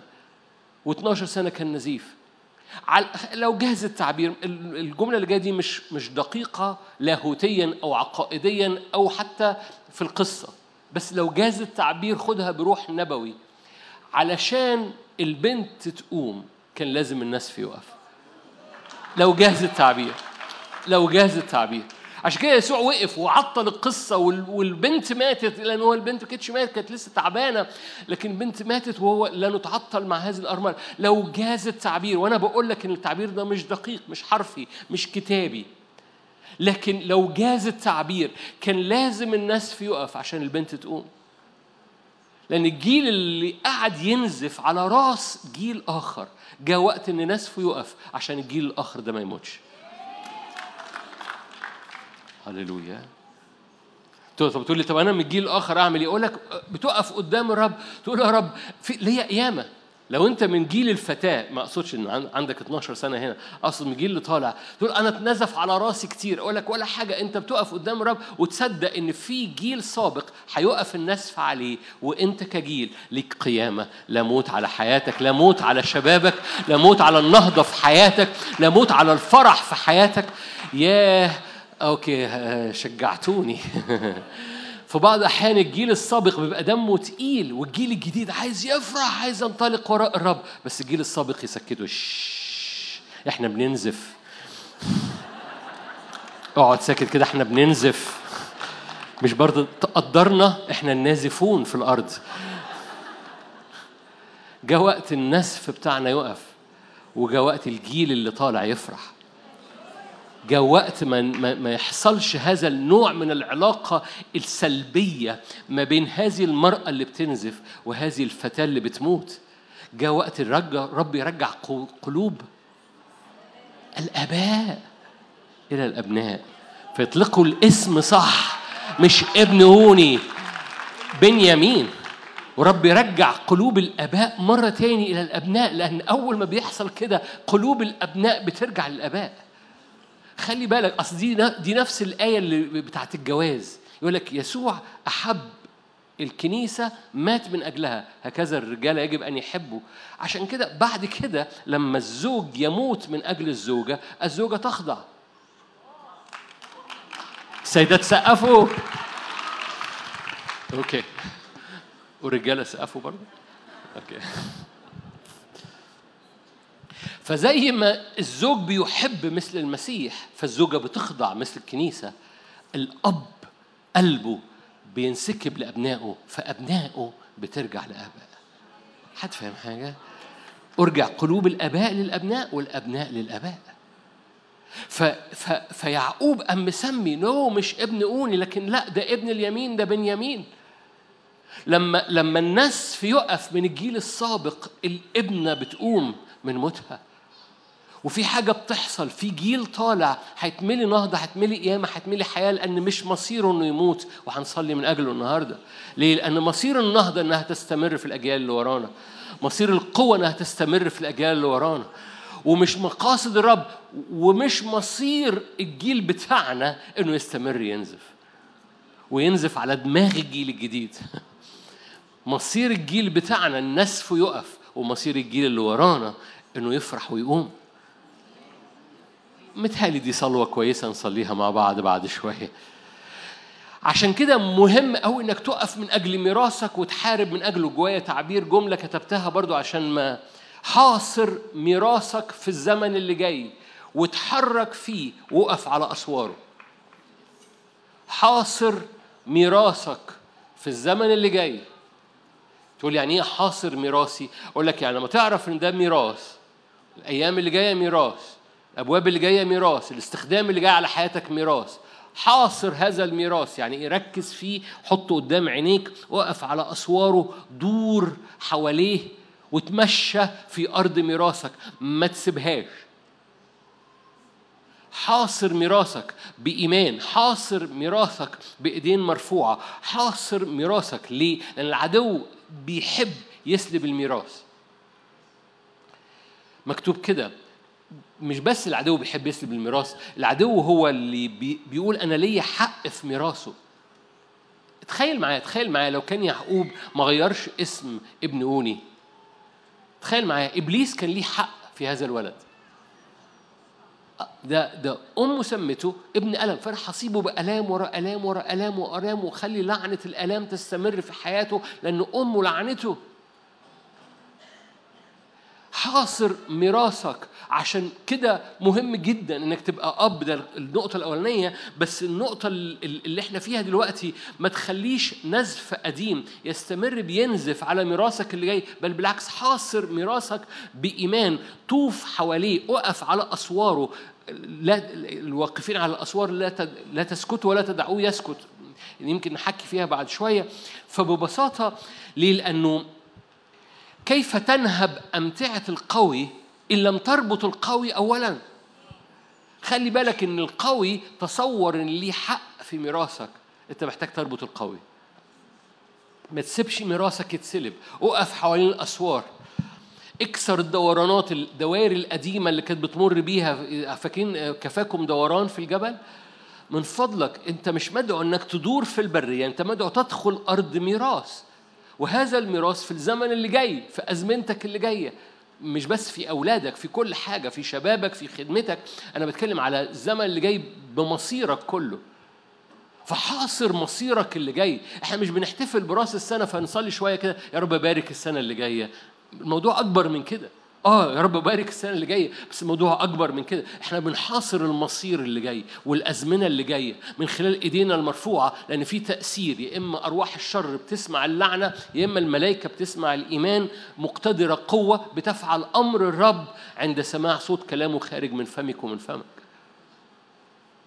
فأنت مش بتضارب الهوى لما بتقف من أجل الأزمنة اللي جاية وتح... وت... وت... وتحاصرها. احد الحاجات اللي هنعملها النهارده هنعمل كده حصار ل 22 من خلال ايديك المرفوعة. حصار للسنة اللي جاية. ليه؟ في مواريث في قوة وفي استخدام في في أبواب مفتوحة. وبالمناسبة تقول لي بس 21 كانت صعبة. أقول لك أه بس خلي بالك في 21 في حاجة اتولدت. تاريخ 21 لن يكون قبر الرحيل. تاريخ 21 هيبقى بيت لحم اللي اتولد فيها يسوع.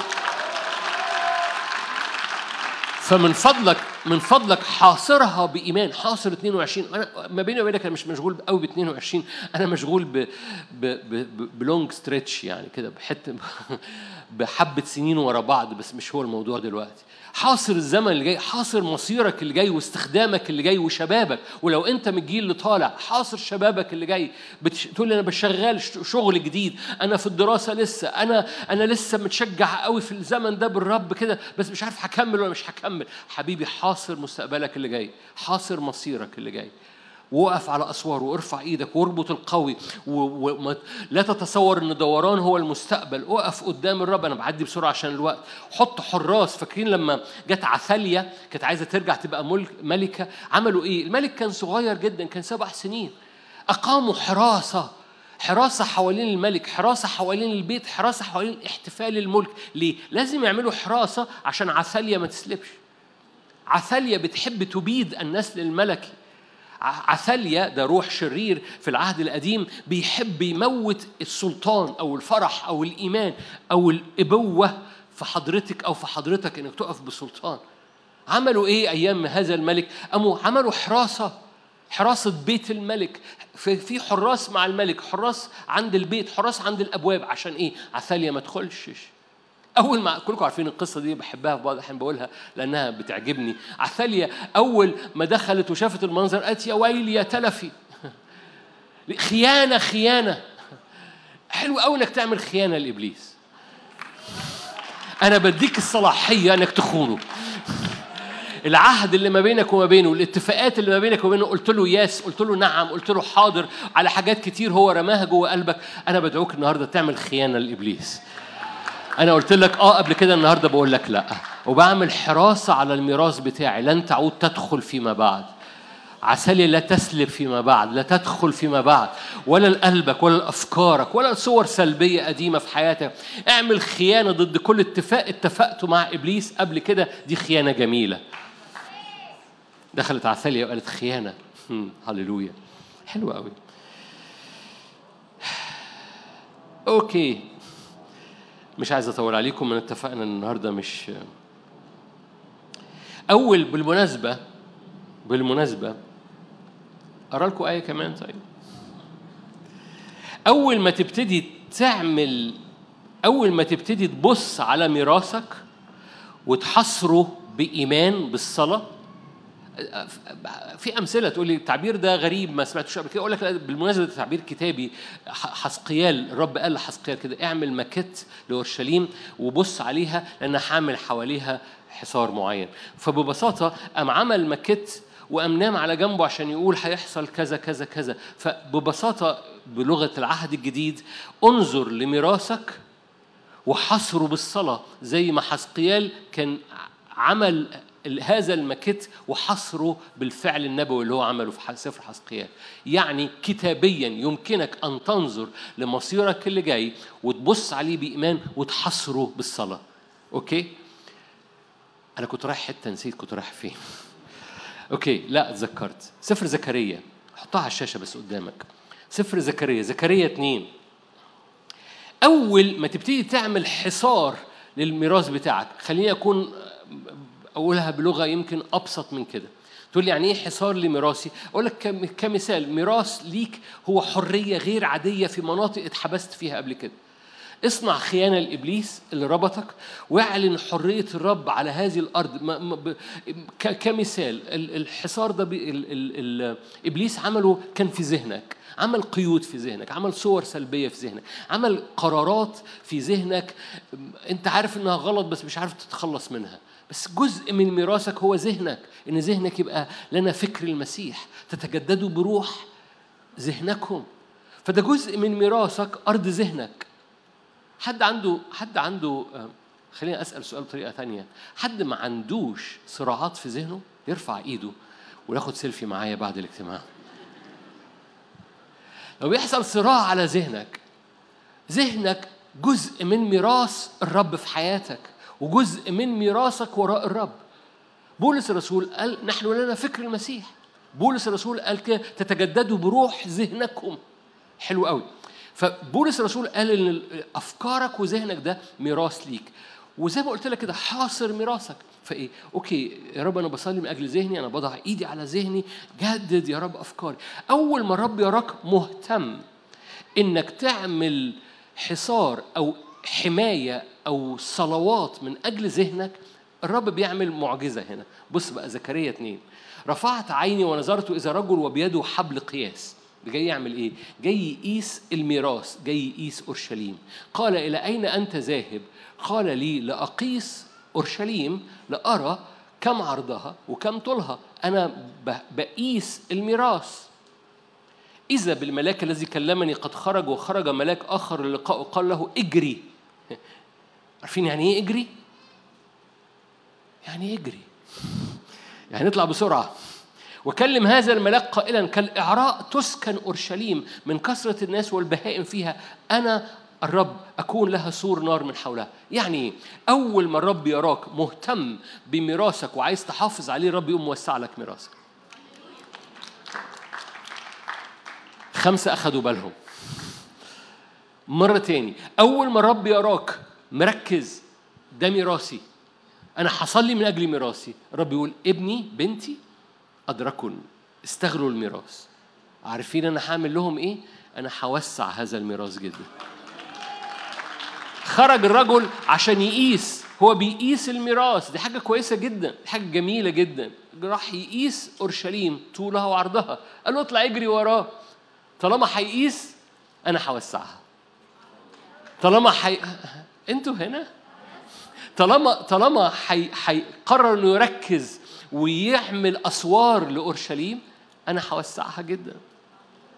ما تتصوريش قد إيه لما الرب بيرى إن حضرتك مهتم جدا. هرجع مرة تاني للبنت اللي عندها 12 سنة والست النازفة اللي عندها 12 سنة. لو أنت من الجيل الجديد ممكن تقول آه okay لو ربنا عايز يعمل حاجة وأنا متشجع وأنا شباب ومش في بالي قوي. no no no no no ده أنت في بالك جدا. ومن فضلك افرح كما لم تفرح تشدد كما لم تتشدد لو انت من الجيل الجديد ليه؟ لأن الرب أول ما يراك حاطط قلبك من أجل هذا الميراث. أنا بحلم بآيات وعجائب. أنا بحلم بقداسة غير عادية. أنا بحلم بذهن مست... أنا بحلم ما صارعش الصراع العادي. أنا بحلم إن كل الجيل بتاعي يتغير. أنا بحلم ب... باختبار جماعي في الجيل بتاعي في الكلية بتاعتي في... في الدراسة بتاعتي في الشغل بتاعي. أنا بحلم بهذا الحلم. أول ما الرب يراك بتبني وبتقيس الميراث بتاعك رب يقوم موسعه أكتر جدا مما تتخيل أكتر جدا من الطبيعي ومن الأجيال السابقة. عشان كده مهم جدا كأجيال سابقة النزيف بتاعنا يقف عشان مهم جدا الجيل اللي جاي يقوم من كل موت. أمين. أنا بقول أمين. أوكي. علشان أختم. رؤية واحد. رؤية واحد. أنتوا كويسين؟ أنا بختم. ده خبر مشجع للبعض. رؤية واحد. آية 12 التفت لأنظر الصوت الذي تكلم معي. لما التفت رأيت سبع مناير من ذهب وفي وسط السبع مناير شبه ابن الإنسان متسربل بثوب إلى الرجلين متمنطق عند ثدييه بمنطقة من ذهب. رأسه وشعره أبيضان كالصوف الأبيض كالثلج عيناه كلهيب نار. رجلاه شبه النحاس النقي محميتين في أتون صوته كصوت مياه كثيرة معه في يده اليمنى سبع كواكب وسيف ماض ذو حدين يخرج من فمه وجهه كالشمس وهي تضيء في قوتها. لما رأيته سقطت عند رجليه كميت وضع يده اليمنى علي قائلا لي لا تخف أنا هو الأول والآخر. الحي كنت ميتا ها أنا حي إلى أبد الآبدين. ولي مفاتيح الهاوية والموت. اكتب ما رأيت ما هو كائن ما هو عتيد أن يكون بعد هذا. سر السبع كواكب التي رأيت على يميني والسبع مناير الذهبية. سبع كواكب هي ملائكة السبع كنايس. أما المناير السبع التي رأيتها هي السبع كنايس.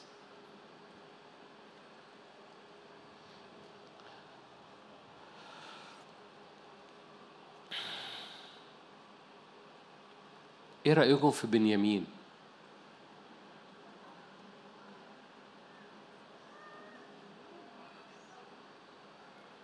ما شفتوش بنيامين هنا؟ السبع كواكب في يمين الرب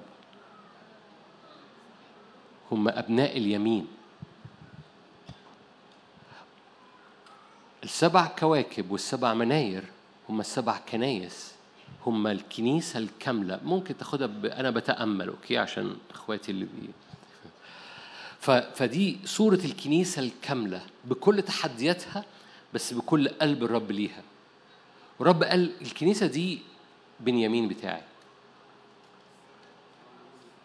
الكنيسة دي بنت اليمين أبناء اليمين. عشان كده يده اليمنى. القوة. سر السبع كواكب التي رأيت عن يميني والسبع مناير الذهبية. السبع كواكب هي ملائكة السبع كنايس. أما المناير السبع التي رأيتها هي السبع كنايس.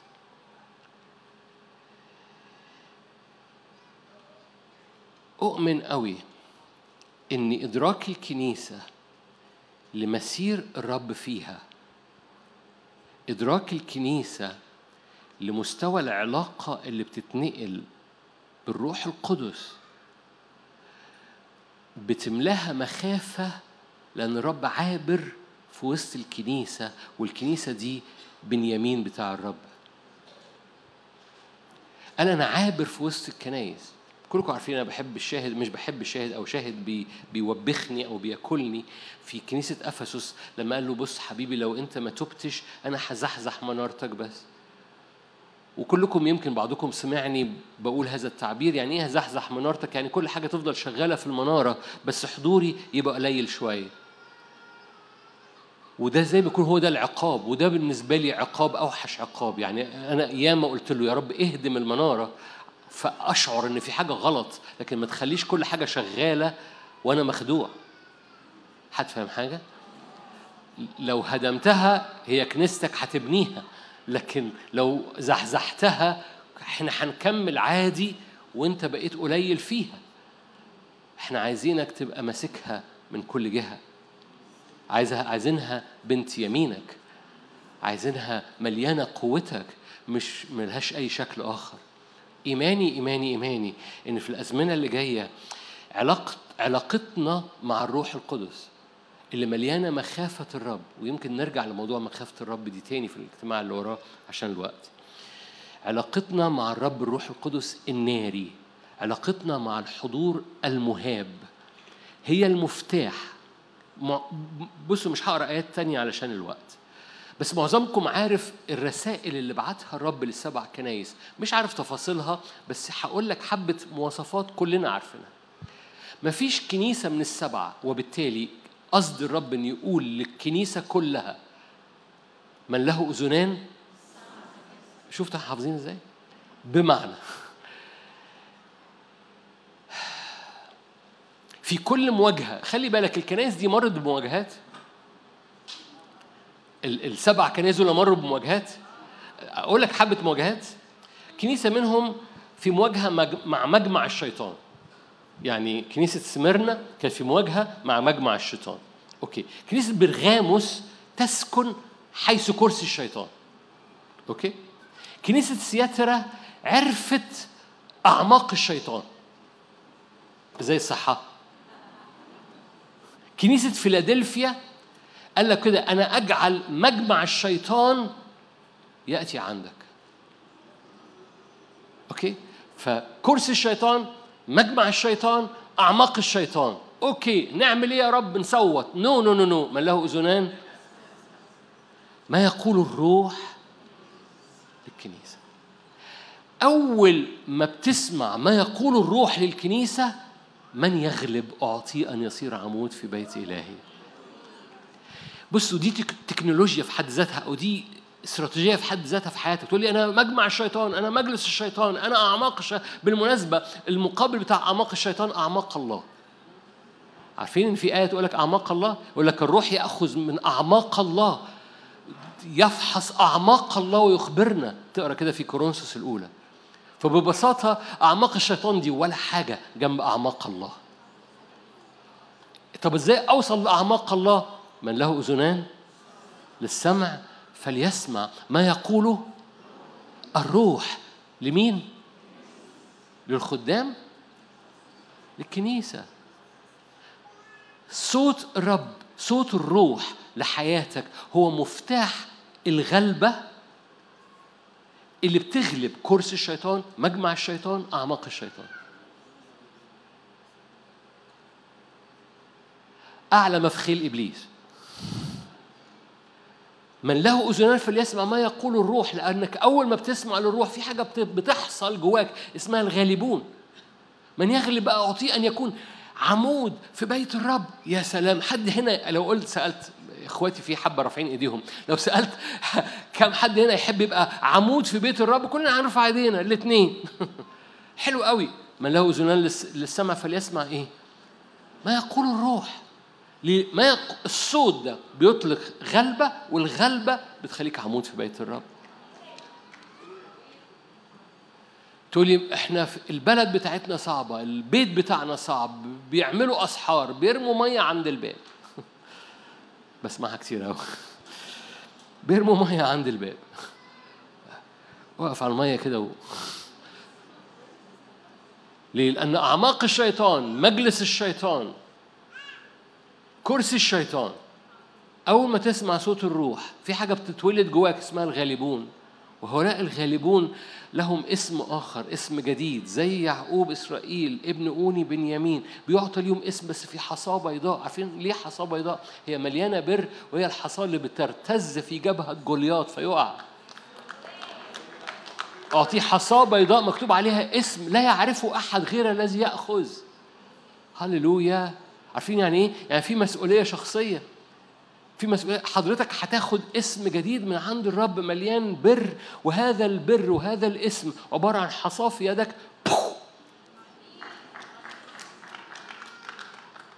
أربعة سقفوا عن استحياء إيه اللي بيحصل؟ بي بي بي بيغير بيغير من علاقة الكنيسة مع صوت الروح لأن دي الكنيسة الكاملة الس- السبعة. تقول لي الكنيسة الكاملة دي آه، ما, فيش مجمع شغال no no no السبع كنايس أنا واخدها هنا بصورة روحية. السبع كنايس دول دي الكنيسة الكاملة على بعضها.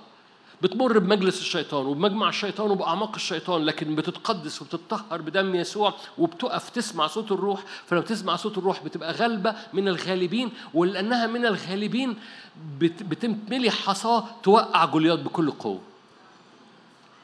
مقاصد الرب إنه ينقل الكنيسة في علاقتها مع صوت الروح القدس في الزمن اللي جاي. فتطلع منها غلبة تاخدها بره ال- ال- المحدودية اللي حطت نفسها فيها. لأن مقاصد الرب إنه بيطلق زقاق مختلف جديد. أستعمل تعبير كبير كده رسولي نبوي. بياخد الكنيسة بره المحدودية القديمة إلى خارج الأسوار حيث المعجزة. مقاصد الرب إنه بيطلق زقاق جديد في حياتك وفي بيتك ياخدك خارج المحدودية السابقة. فهختم بكلمة واحدة. كون جريء في الزمن الجاي. كون جريء. كون جريء. جريء في الإيمان جريء في صوتك جريء في زقاق الشخصي بتاعك. كون جريء. كون جريء لما تسمع ابن أوني بيتقال عليه ابن أوني كون جريء إنك توقف الصوت. لما جم لل- للرجل أبو الابنة رئيس المجمع قال له بنتك ماتت ما تتعبش المعلم. الراجل ده أب فجواه مشاعر. يسوع كان جريء.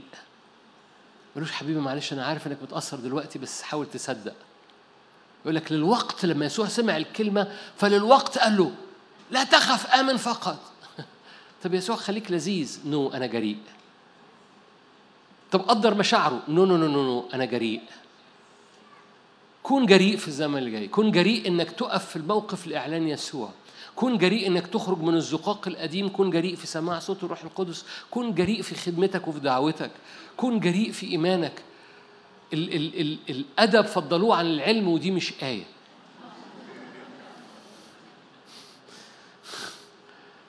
الإيمان فضلوه عن الأدب. بس بثمار الروح القدس. لأن مش مش معنى كده إيمان إنك تجرح الناس اللي حواليك. بثمار الروح القدس.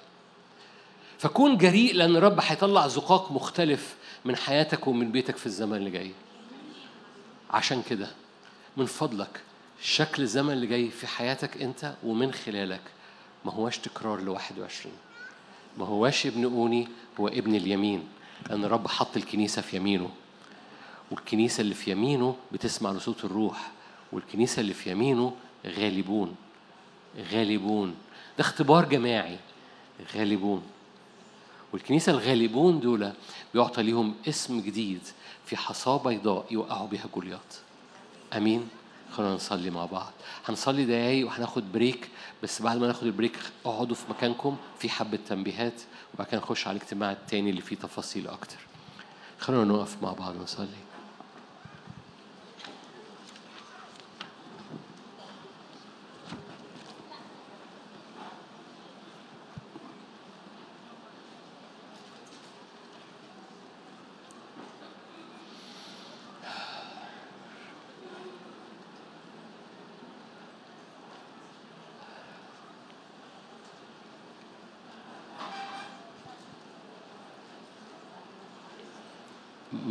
ما قصدتش ان يبقى فرصة للكلام.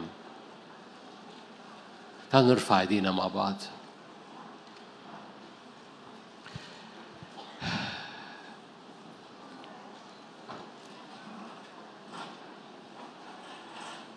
هللويا. هللويا. هللويا. في كلمة بالإنجليزي اسمها potential أو ال- ال- الإمكانية في إمكانية بسبب الإيمان بالنعمة لمستقبل مليان مجد في حياة كل جيل نزف وفي حياة كل جيل حاسس إنه بيموت. في إمكانية مليانة مجد بسبب الإيمان لتحويل كل ابن أوني إلى بنيامين. في إمكانية مليانة مجد بسبب الإيمان لبيتك ولارتباطك لو أنت متفشل. في إمكانية مليانة مجد لخدمتك ومستقبلك برغم حاجات كتيرة أنت خايف إنها تجهض الزمن اللي جاي. في إمكانية مليانة مجد بسبب الإيمان إنها تغير شكل الثمان سنين اللي جاية. فالكنيسة تكون زي ما الكتاب بيقولها بلا نسف وبلا موت لكن في الارتفاع فقط. بسبب الإيمان الإيمان بالوعد الإيمان بالكلمة الإيمان بعهد الرب الإيمان إن إحنا محفوظين في كفه منقوشين في يمينه لأن الكنيسة في يمينه بنت اليمين. بالسبب إنه بيجول في وسط الكنيسة في وسط المناير وماسكها في يمينه. لك مستقبل مليان مجد. الحمل مجد وجه يسوع. مش مقاصد الرب إنه يغطي بمجده مقاصد الرب إنه يغطي باختبارات مجده. هو ده معرفة مجد الرب تغطي وجه الأرض. مش مقاصد الرب ان تسمع عن مجده لكن مقاصد الرب تعرف تختبر مجده. في إمكانية معروضة لحضرتك لو اخترت. بسبب الإيمان إن مصيرك ما يبقاش تكرار لألم أو لوجع أو لنسف أو لموت أو لإحباط.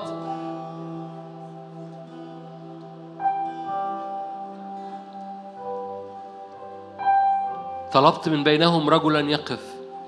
يسوع وقف. وفرد إيليا على الصليب. وقال قد أكمل لكي يفتدي الأرض لكي يفتدي أرضك لكي يفتدي تاريخك لكي يفتدي ابن أوني بتاعك لكي تفتدي السمعة بتاعتك. لن تستمر سمعة بيت لحم أنها قبر رحيل. هللويا.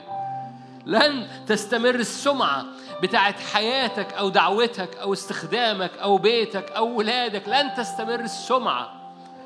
إنه حيث قبر رحيل إلى اليوم. نو no, بيت لحم هو بيت لحم افراطي لا تقولي أنت الصغرى لست الصغرى يا بيت لحم. لست الصغرى يا بيت. منك يدعى مخلص هللويا. منك يدعى مدبر. من مكان الألم. مجدا. مجدا. افتداء افتداء. افتداء. افتداء. افتداء. افتداء. يا رب بنبارك كل حاجة ولدتها جوه أرواحنا خلال 21 ارفع إيدك معايا. رب ولد صدقني صدقني صدقني. حتى لو انت مش شاعر صدقني. الرب ولد حاجات جوه روحك خلال 21 وفاضل أسبوعين كمان. هيولد حاجات كتيرة رب ولد رب ولد حاجات كتيرة جوه روحك خلال 21 هذه الولادات لأنها اتولدت في زمن في ابن أوني. هذه الولادات قوية جدا. هتنطرك ل 22 بقوة. فمرة كمان مرة كمان ارفع إيدك. قول يا رب أشكرك من أجل كل حاجات ولدتها جوايا في 21 بس أنا بعظمك بعظمك بعظمك على 22 بعظمك على المجد العتيد أن يستعلن. بعظمك على بنيامين بعظمك على بنيامين اللي جاي. بعظمك ابن اوني هو بنيامين. لا يعود ذكر الابن اوني لا يعود لا يسمى فيما بعد ابن اوني. هللويا! لا يعود ذكر لا يعود ذكر للمرض لا يعود ذكر للإدمان لا يعود ذكر للقيد لا يعود ذكر لابن أوني في حياتك. صدق معايا آمن معايا اطلب معايا فدى الرب على حياتك. لا يعود ذكر لهذا الوجع أو لهذا الألم أو لهذه الذكرى. لا بن أوني بل بنيامين باسم يسوع. هللويا. وإحنا الكنيسة اللي في يمينه بنيامين أبناء اليمين. هللويا. إحنا الكنيسة اللي في اليمين. هللويا. باسم الرب يسوع. مجدك مجدك. أعبر بمجدك في الخيمة. أعبر بمجدك على كل إيدين مرفوعة. أعبر بمجدك على كل تاريخ على كل نسف. يقف النسف. أي نسف في حياتك أو في حياتك يقف النسف. ارفع إيدك وصلي معايا. لا نسف لا استنزاف. أي عسالية بتعمل نسف في حياتك أي مرحلة كاملة من النسف يجب أن يقف النسف. عشان الابنة تقوم. هللويا. ومش مش مصيرك إنك تستمر بتنزف. نزفت 12 سنة هكمل نسف نو قول نو قول جواك لو قول قول جواك نو قولها بالإنجليزي قولها بالعربي قولها بالروح قولها ب... قولها بكل ما تريد. اصنع خيانة العسلية اصنع خ... لا ليس لك مكان. باسم رب يسوع. ليس لك مكان. هللويا. هللويا هللويا مجدك يملى أرى أرى أرى أرى أرى سحابات نارية بتعبر في هذه البخيمة. أرى سحابات نارية. ملائكة أو حركة من الروح القدس مش مميز قوي لكن أرى سحابات نارية بتعدي في في على حوالين هذه الخيمة على أسوار هذه الخيمة. ممكن تكون حركة ملائكية ممكن تكون حركة الرب الروح الناري بس الرب يحاصر على رسته مستعد إن يعمل نقلة ويولد فيها. هذه الكنيسة المجيدة اللي مليانة قوة اللي مليانة نعمة اللي مليانة حرية اللي مليانة مجد. باسم رب بنت اليمين كنيسة بنت اليمين. باسم رب يسوع. أرى سحاب سحاب ناري بيعبر كرياح نارية على أسوار الخيمة من جوه على أسوار الخيمة. إما ملائكة الرب يا إما حركة من نار الروح القدس لأنه إحنا عطشانين جدا عطشانين جدا. يا رب لا نسف في جيل سابق ولا موت لجيل جديد. ده عطشي ده قلبي دي قلبي دي صلواتي. يقف النسف وتقوم البنت. يقف النسف وتقوم البنت. باسم الرب يسوع. هللويا. لا أجيال سابقه بتنزف ولا أجيال جديدة بتموت. مرة صليها معايا. لا أجيال سابقه بتنزف ولا أجيال جديدة بتموت. لا أجيال سابقه بتنزف ولا ولا أجيال جديدة بتموت. هللويا. يقف النسف وتقوم البنت. يقف النسف وتقوم البنت. يقف النسف وتقوم البنت.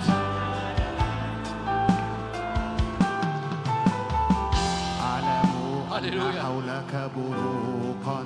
أعلموا أن حولك رعودا. أعلموا أن الكائنات من حولك تصرخ قدوس قدوس. أعلموا أن حولك بروقا. أعلموا أن حولك رعودا. أعلموا أن الكائنات من حولك تصرخ قدوس قدوس. اعلموا أن حولك بروقا. اعلموا أن حولك رعودا. اعلموا أن الكائنات من حولك تصرخ قدوس قدوس.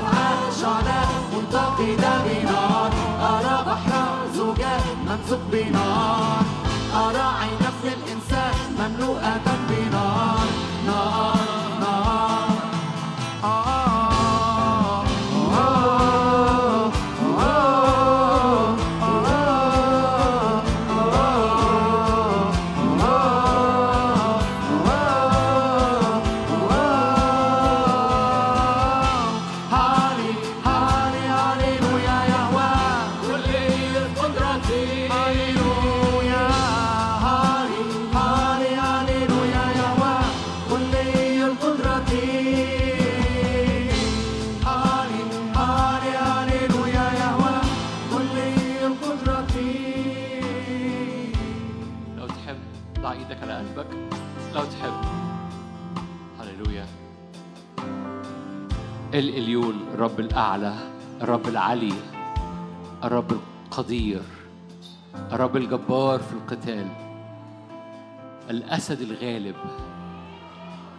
السيد الرب قد تكلم الأسد قد زمجر. فمن لا يخاف؟ قل له املأ قلبي املأ قلبي طبيعتك املأ قلبي نيرانك املأ قلبي ترقيتك املأ قلبي صوتك املأ قلبي مجدك. املأ قلبي من نيران حضورك. املأ قلبي من صوتك من يسمع لصوت الروح. هللويا. فليسمع ما يقول الروح. املأ قلبي غلبة بسبب صوتك المسموع. اسند قلوب هنا. وقع قشور من على قلوب. قيامة. رب يدعوك تكون مليان يسوع. عشان تكون يسوع دايما في كل موقف. رب يريد أن يملأ قلبك يسوع عشان العالم يرى يسوع. رب يريد أن يملأ قلبك يسوع عشان العالم يرى يسوع. فضع إيدك على قلبك قول له يسوع املى يسوع اسند يسوع قدس يسوع غير يسوع ترقية لقلبي لأكون يسوع لأكون أب. هللويا. لأكون اللي بيغير الاسم لأكون اللي بيغير أسماء الناس اللي حواليه. هللويا! هللويا! املأ قلبي قلبي يسوع عشان أكون اللي بي... أكون أب بيغير أسماء اللي حواليه. بيغير اسم ابن أوني بيغير اسم يعقوب بيغير اسم. هللويا! فبيغير المصير بيغير الزمن اللي جاي بيغير. اجعل قلبي قلب أب. هللويا! يسوع! يسوع. هللويا.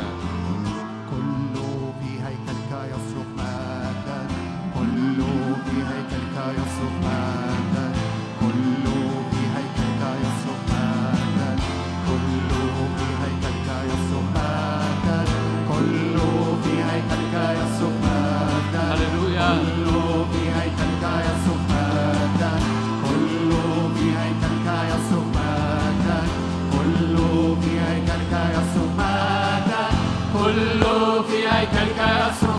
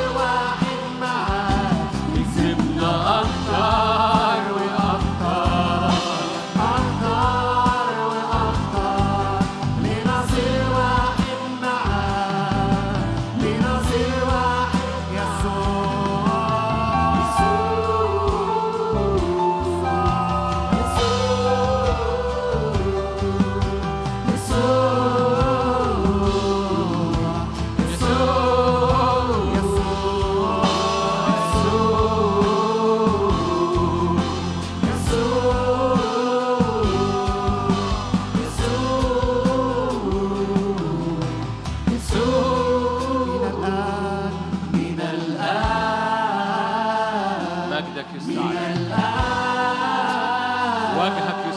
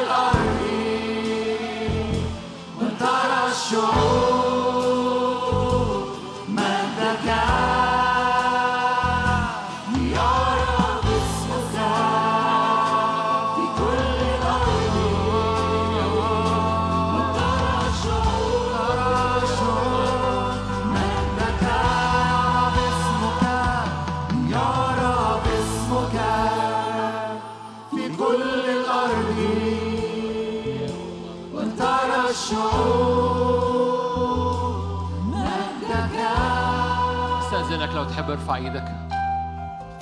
هنصلي صلوة مع بعض. مش عايزك تسمعها عايزك تصليها انت. قول يا رب أرضي تتجاوب مع مجدك. ما يبقاش المجد طاير في الهواء لكن أرضي ترابي يتجاوب مع مجدك. قولها بإيمان. ما يبقاش المجد أجواء المجد يبقى براكتيكال عملي جدا. أرضي تتجاوب مع مجدك. ارضي تتجاوب مع مجدك. عارفين يعني إيه؟ يعني مرضي يتجاوب مع حضورك. حزني يتجاوب مع مسحتك. أثقالي تتجاوب مع نفخاتك. أرضي تطلع ثمر لأنها بتتجاوب مع أمطارك. ما بقاش مجدك كلمة طايرة في الهواء لكن أرضي تتجاوب. يسكن المجد أرضنا. يسكن يسكن. بقاش زيارة ما بقاش اجتماع ما بقاش يوم. يسكن يسكن المجد أرضي. صليها من فضلك ما تسمعنيش يقول كده الرب قال في هوشع كده. إني أستجيب يقول الرب. إني أستجيب يقول الرب. هللويا. ارفع إيدك معايا قول يا رب أنت تستجيب. هللويا.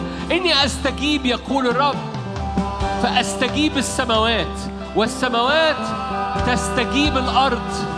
بس اسمع الجملة الجاية دي. والأرض تستجيب. الأرض تستجيب. هللويا. لا لا لا. أنا عايز أسمعكم أنتوا. بتقول بتقولوا الأرض تستجيب. هللويا. وأنت بتقول اسمع صوتك وأنت بتقولها. هو الآية الآية بتقول كده. الآية بتقول كده. إني أستجيب يقول الرب. فالرب يستجيب السماوات. السماوات تستجيب للأرض. حلو قوي. هو قال كم ترون السماء مفتوحة الملائكة صاعدة ونازلة. بس في الجزء الأخير ده حلو قوي. الأرض تستجيب. يعني قلبك يستجيب يعني نفسيتك تستجيب يعني يعني استخدامك يستجيب يعني يعني العدو يستجيب لأن لأن في حياتك العدو يخضع. ليه؟ لأنه الأرض تستجيب التراب يستجيب المرض يستجيب الحزن يستجيب هللويا الأرض تستجيب. وتطلع القمح والمستار والزيت. طلع شبع وفرح ومسحة. قمح ومستار وزيت. الأرض تستجيب. باسم يسوع. فمرة كمان مرة كمان مرة كمان. عايز أسمعكم بتقولوا الأرض تستجيب. إيه رأيكم تقولوها مرة كمان؟ الأرض تستجيب. هللويا. قبل ما نقولها مرة ثالثة أنا عايز تقولها جواك أرضي أرضي تستجيب أرضي تستجيب أرضي تستجيب. عينيا تستجيب ذهني يستجيب. صلي صلي صلي لحاجات كتيرة. وداني تستجيب للصوت. قلبي يستجيب بتكريس. دوافعي تستجيب. هللويا. هللويا. أجوائي تستجيب. أجوائي تستجيب. هللويا. هللويا. لما هنقول أرض تستجيب المرة الثالثة هتحط بقى فيها بلدك هتحط فيها خدمتك هتحط فيها كنيستك. هللويا. بس قبل ما نقول نخش الحاجات الكبيرة. قلبي يستجيب. عينيا تستجيب. أفكاري و... تستجيب. هللويا هللويا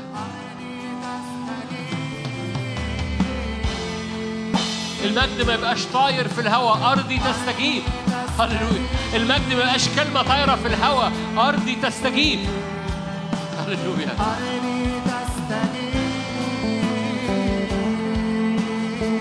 المجد مش كلمة طايرة في الهواء أرضي تستجيب.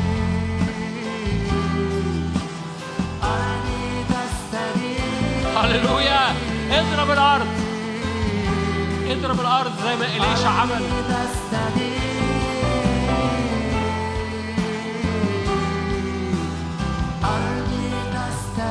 إليشا عمل إيه؟ إليشا كان لابس رداء خدمة. خلع رداء الخدمة شقه. عشان أخذ الرداء النازل من فوق. وده اللي الرب يعمله أخذ الرداء النازل من فوق. لما أخذ الرداء النازل من فوق عمل بيه إيه؟ ضرب بيه الأرض. لما ضربها مرة ضربها مرة تاني. ده اللي بنعمله دلوقتي. من فضلك وانت بتقول أرضي تستجيب اضرب الأرض بال- بالنعمة اللي نازلة من فوق. اضرب أرضك. هللويا. أرضي تستجيب. ولو ما استجابتش من أول خبطة اخبط تاني واخبط تالت واخبط رابع. مصر احتاجت عشر مرات. الباب يتخبط لغاية لما مصر اتفتحت. أرضي تستجيب. البلد تستجيب. هللويا. بيتك يستجيب. أرضي تستجيب تستجيب الأرض.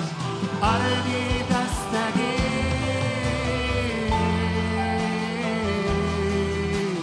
أرضي كل الملائكة كل الملائكة. تصرخ قدوس والأرض تجيب. أرض تستجيب.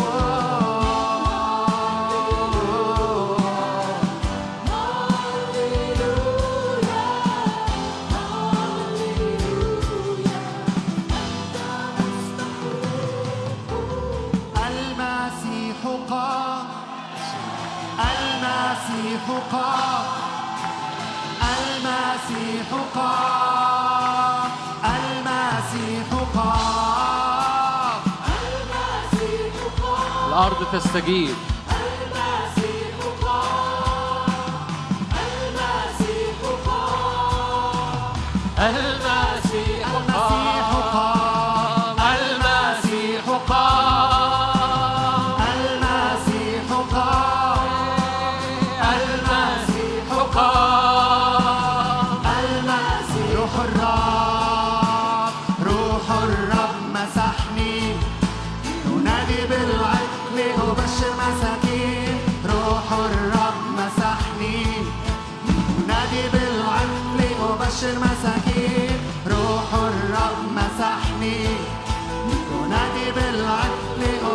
ナサディナタシャカ。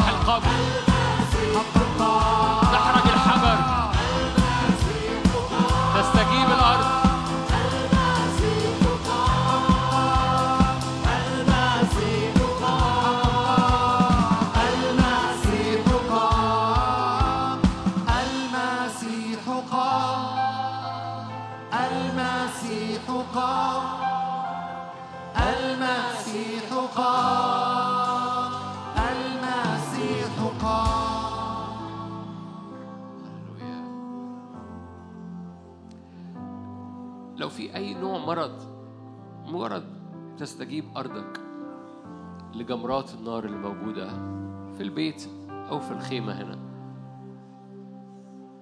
بس بصورة خاصة أي أي كمان حاجة في شرايين العين رب يشفي ويبرئ شرايين العين في أمراض المناعة أو في أي أفلات في شرايين عينك. أي نتائج لكورونا ما أثرت على الإبصار أو أثرت على القلب. رب يشفي. تستجيب أرضك. تستجيب أرضك. أمراض ال Parkinsonism. دي أمراض في البيت. أؤمن أؤمن رب يقود وي- ويحرك جمراته على البيوت. باسم الرب يسوع. لم يكن عاثر في وسطهم. هنحكي في الاجتماع الجاي عن الاختبارات الجماعية بس أنا مش عايز أسيب الفرصة. أي خلينا كلنا كلنا نحط إيدينا على قلبنا.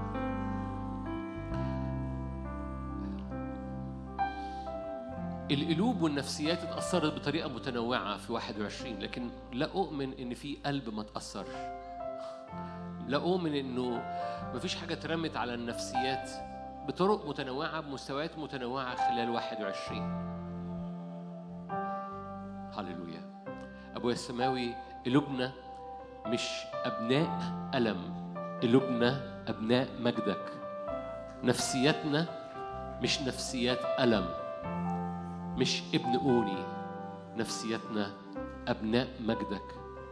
فدحرج من علينا تستجيب نفسيتنا للنعمة النازلة من حضورك. تستجيب قلوبنا تستجيب أوجاع قلوبنا. تستجيب أرضنا لمجدك. هللويا. أبن... قلوبنا أبناء يمينك أبناء مجدك باسم الرب يسوع. هللويا. تقدر تسقف للرب. تعالوا نسقف للرب قدمها للرب مرة كمان. قدمها بإيمان للرب. قدمها بإيمان إنه الرب يصنع أكثر جدا مما نطلب أكثر جدا مما نفتكر أكثر جدا مما نتخيل. قدمها للرب إيمان لأنه يصنع يصنع بمجد باسم الرب يسوع. لن تستمر لن لن لا مش هتخش بابن أوني هتخش ببنيامين هتخش ببنيامين هتخش ببنيامين. تستجيب أرضك تستجيب أرضك باسم الرب يسوع. هللويا.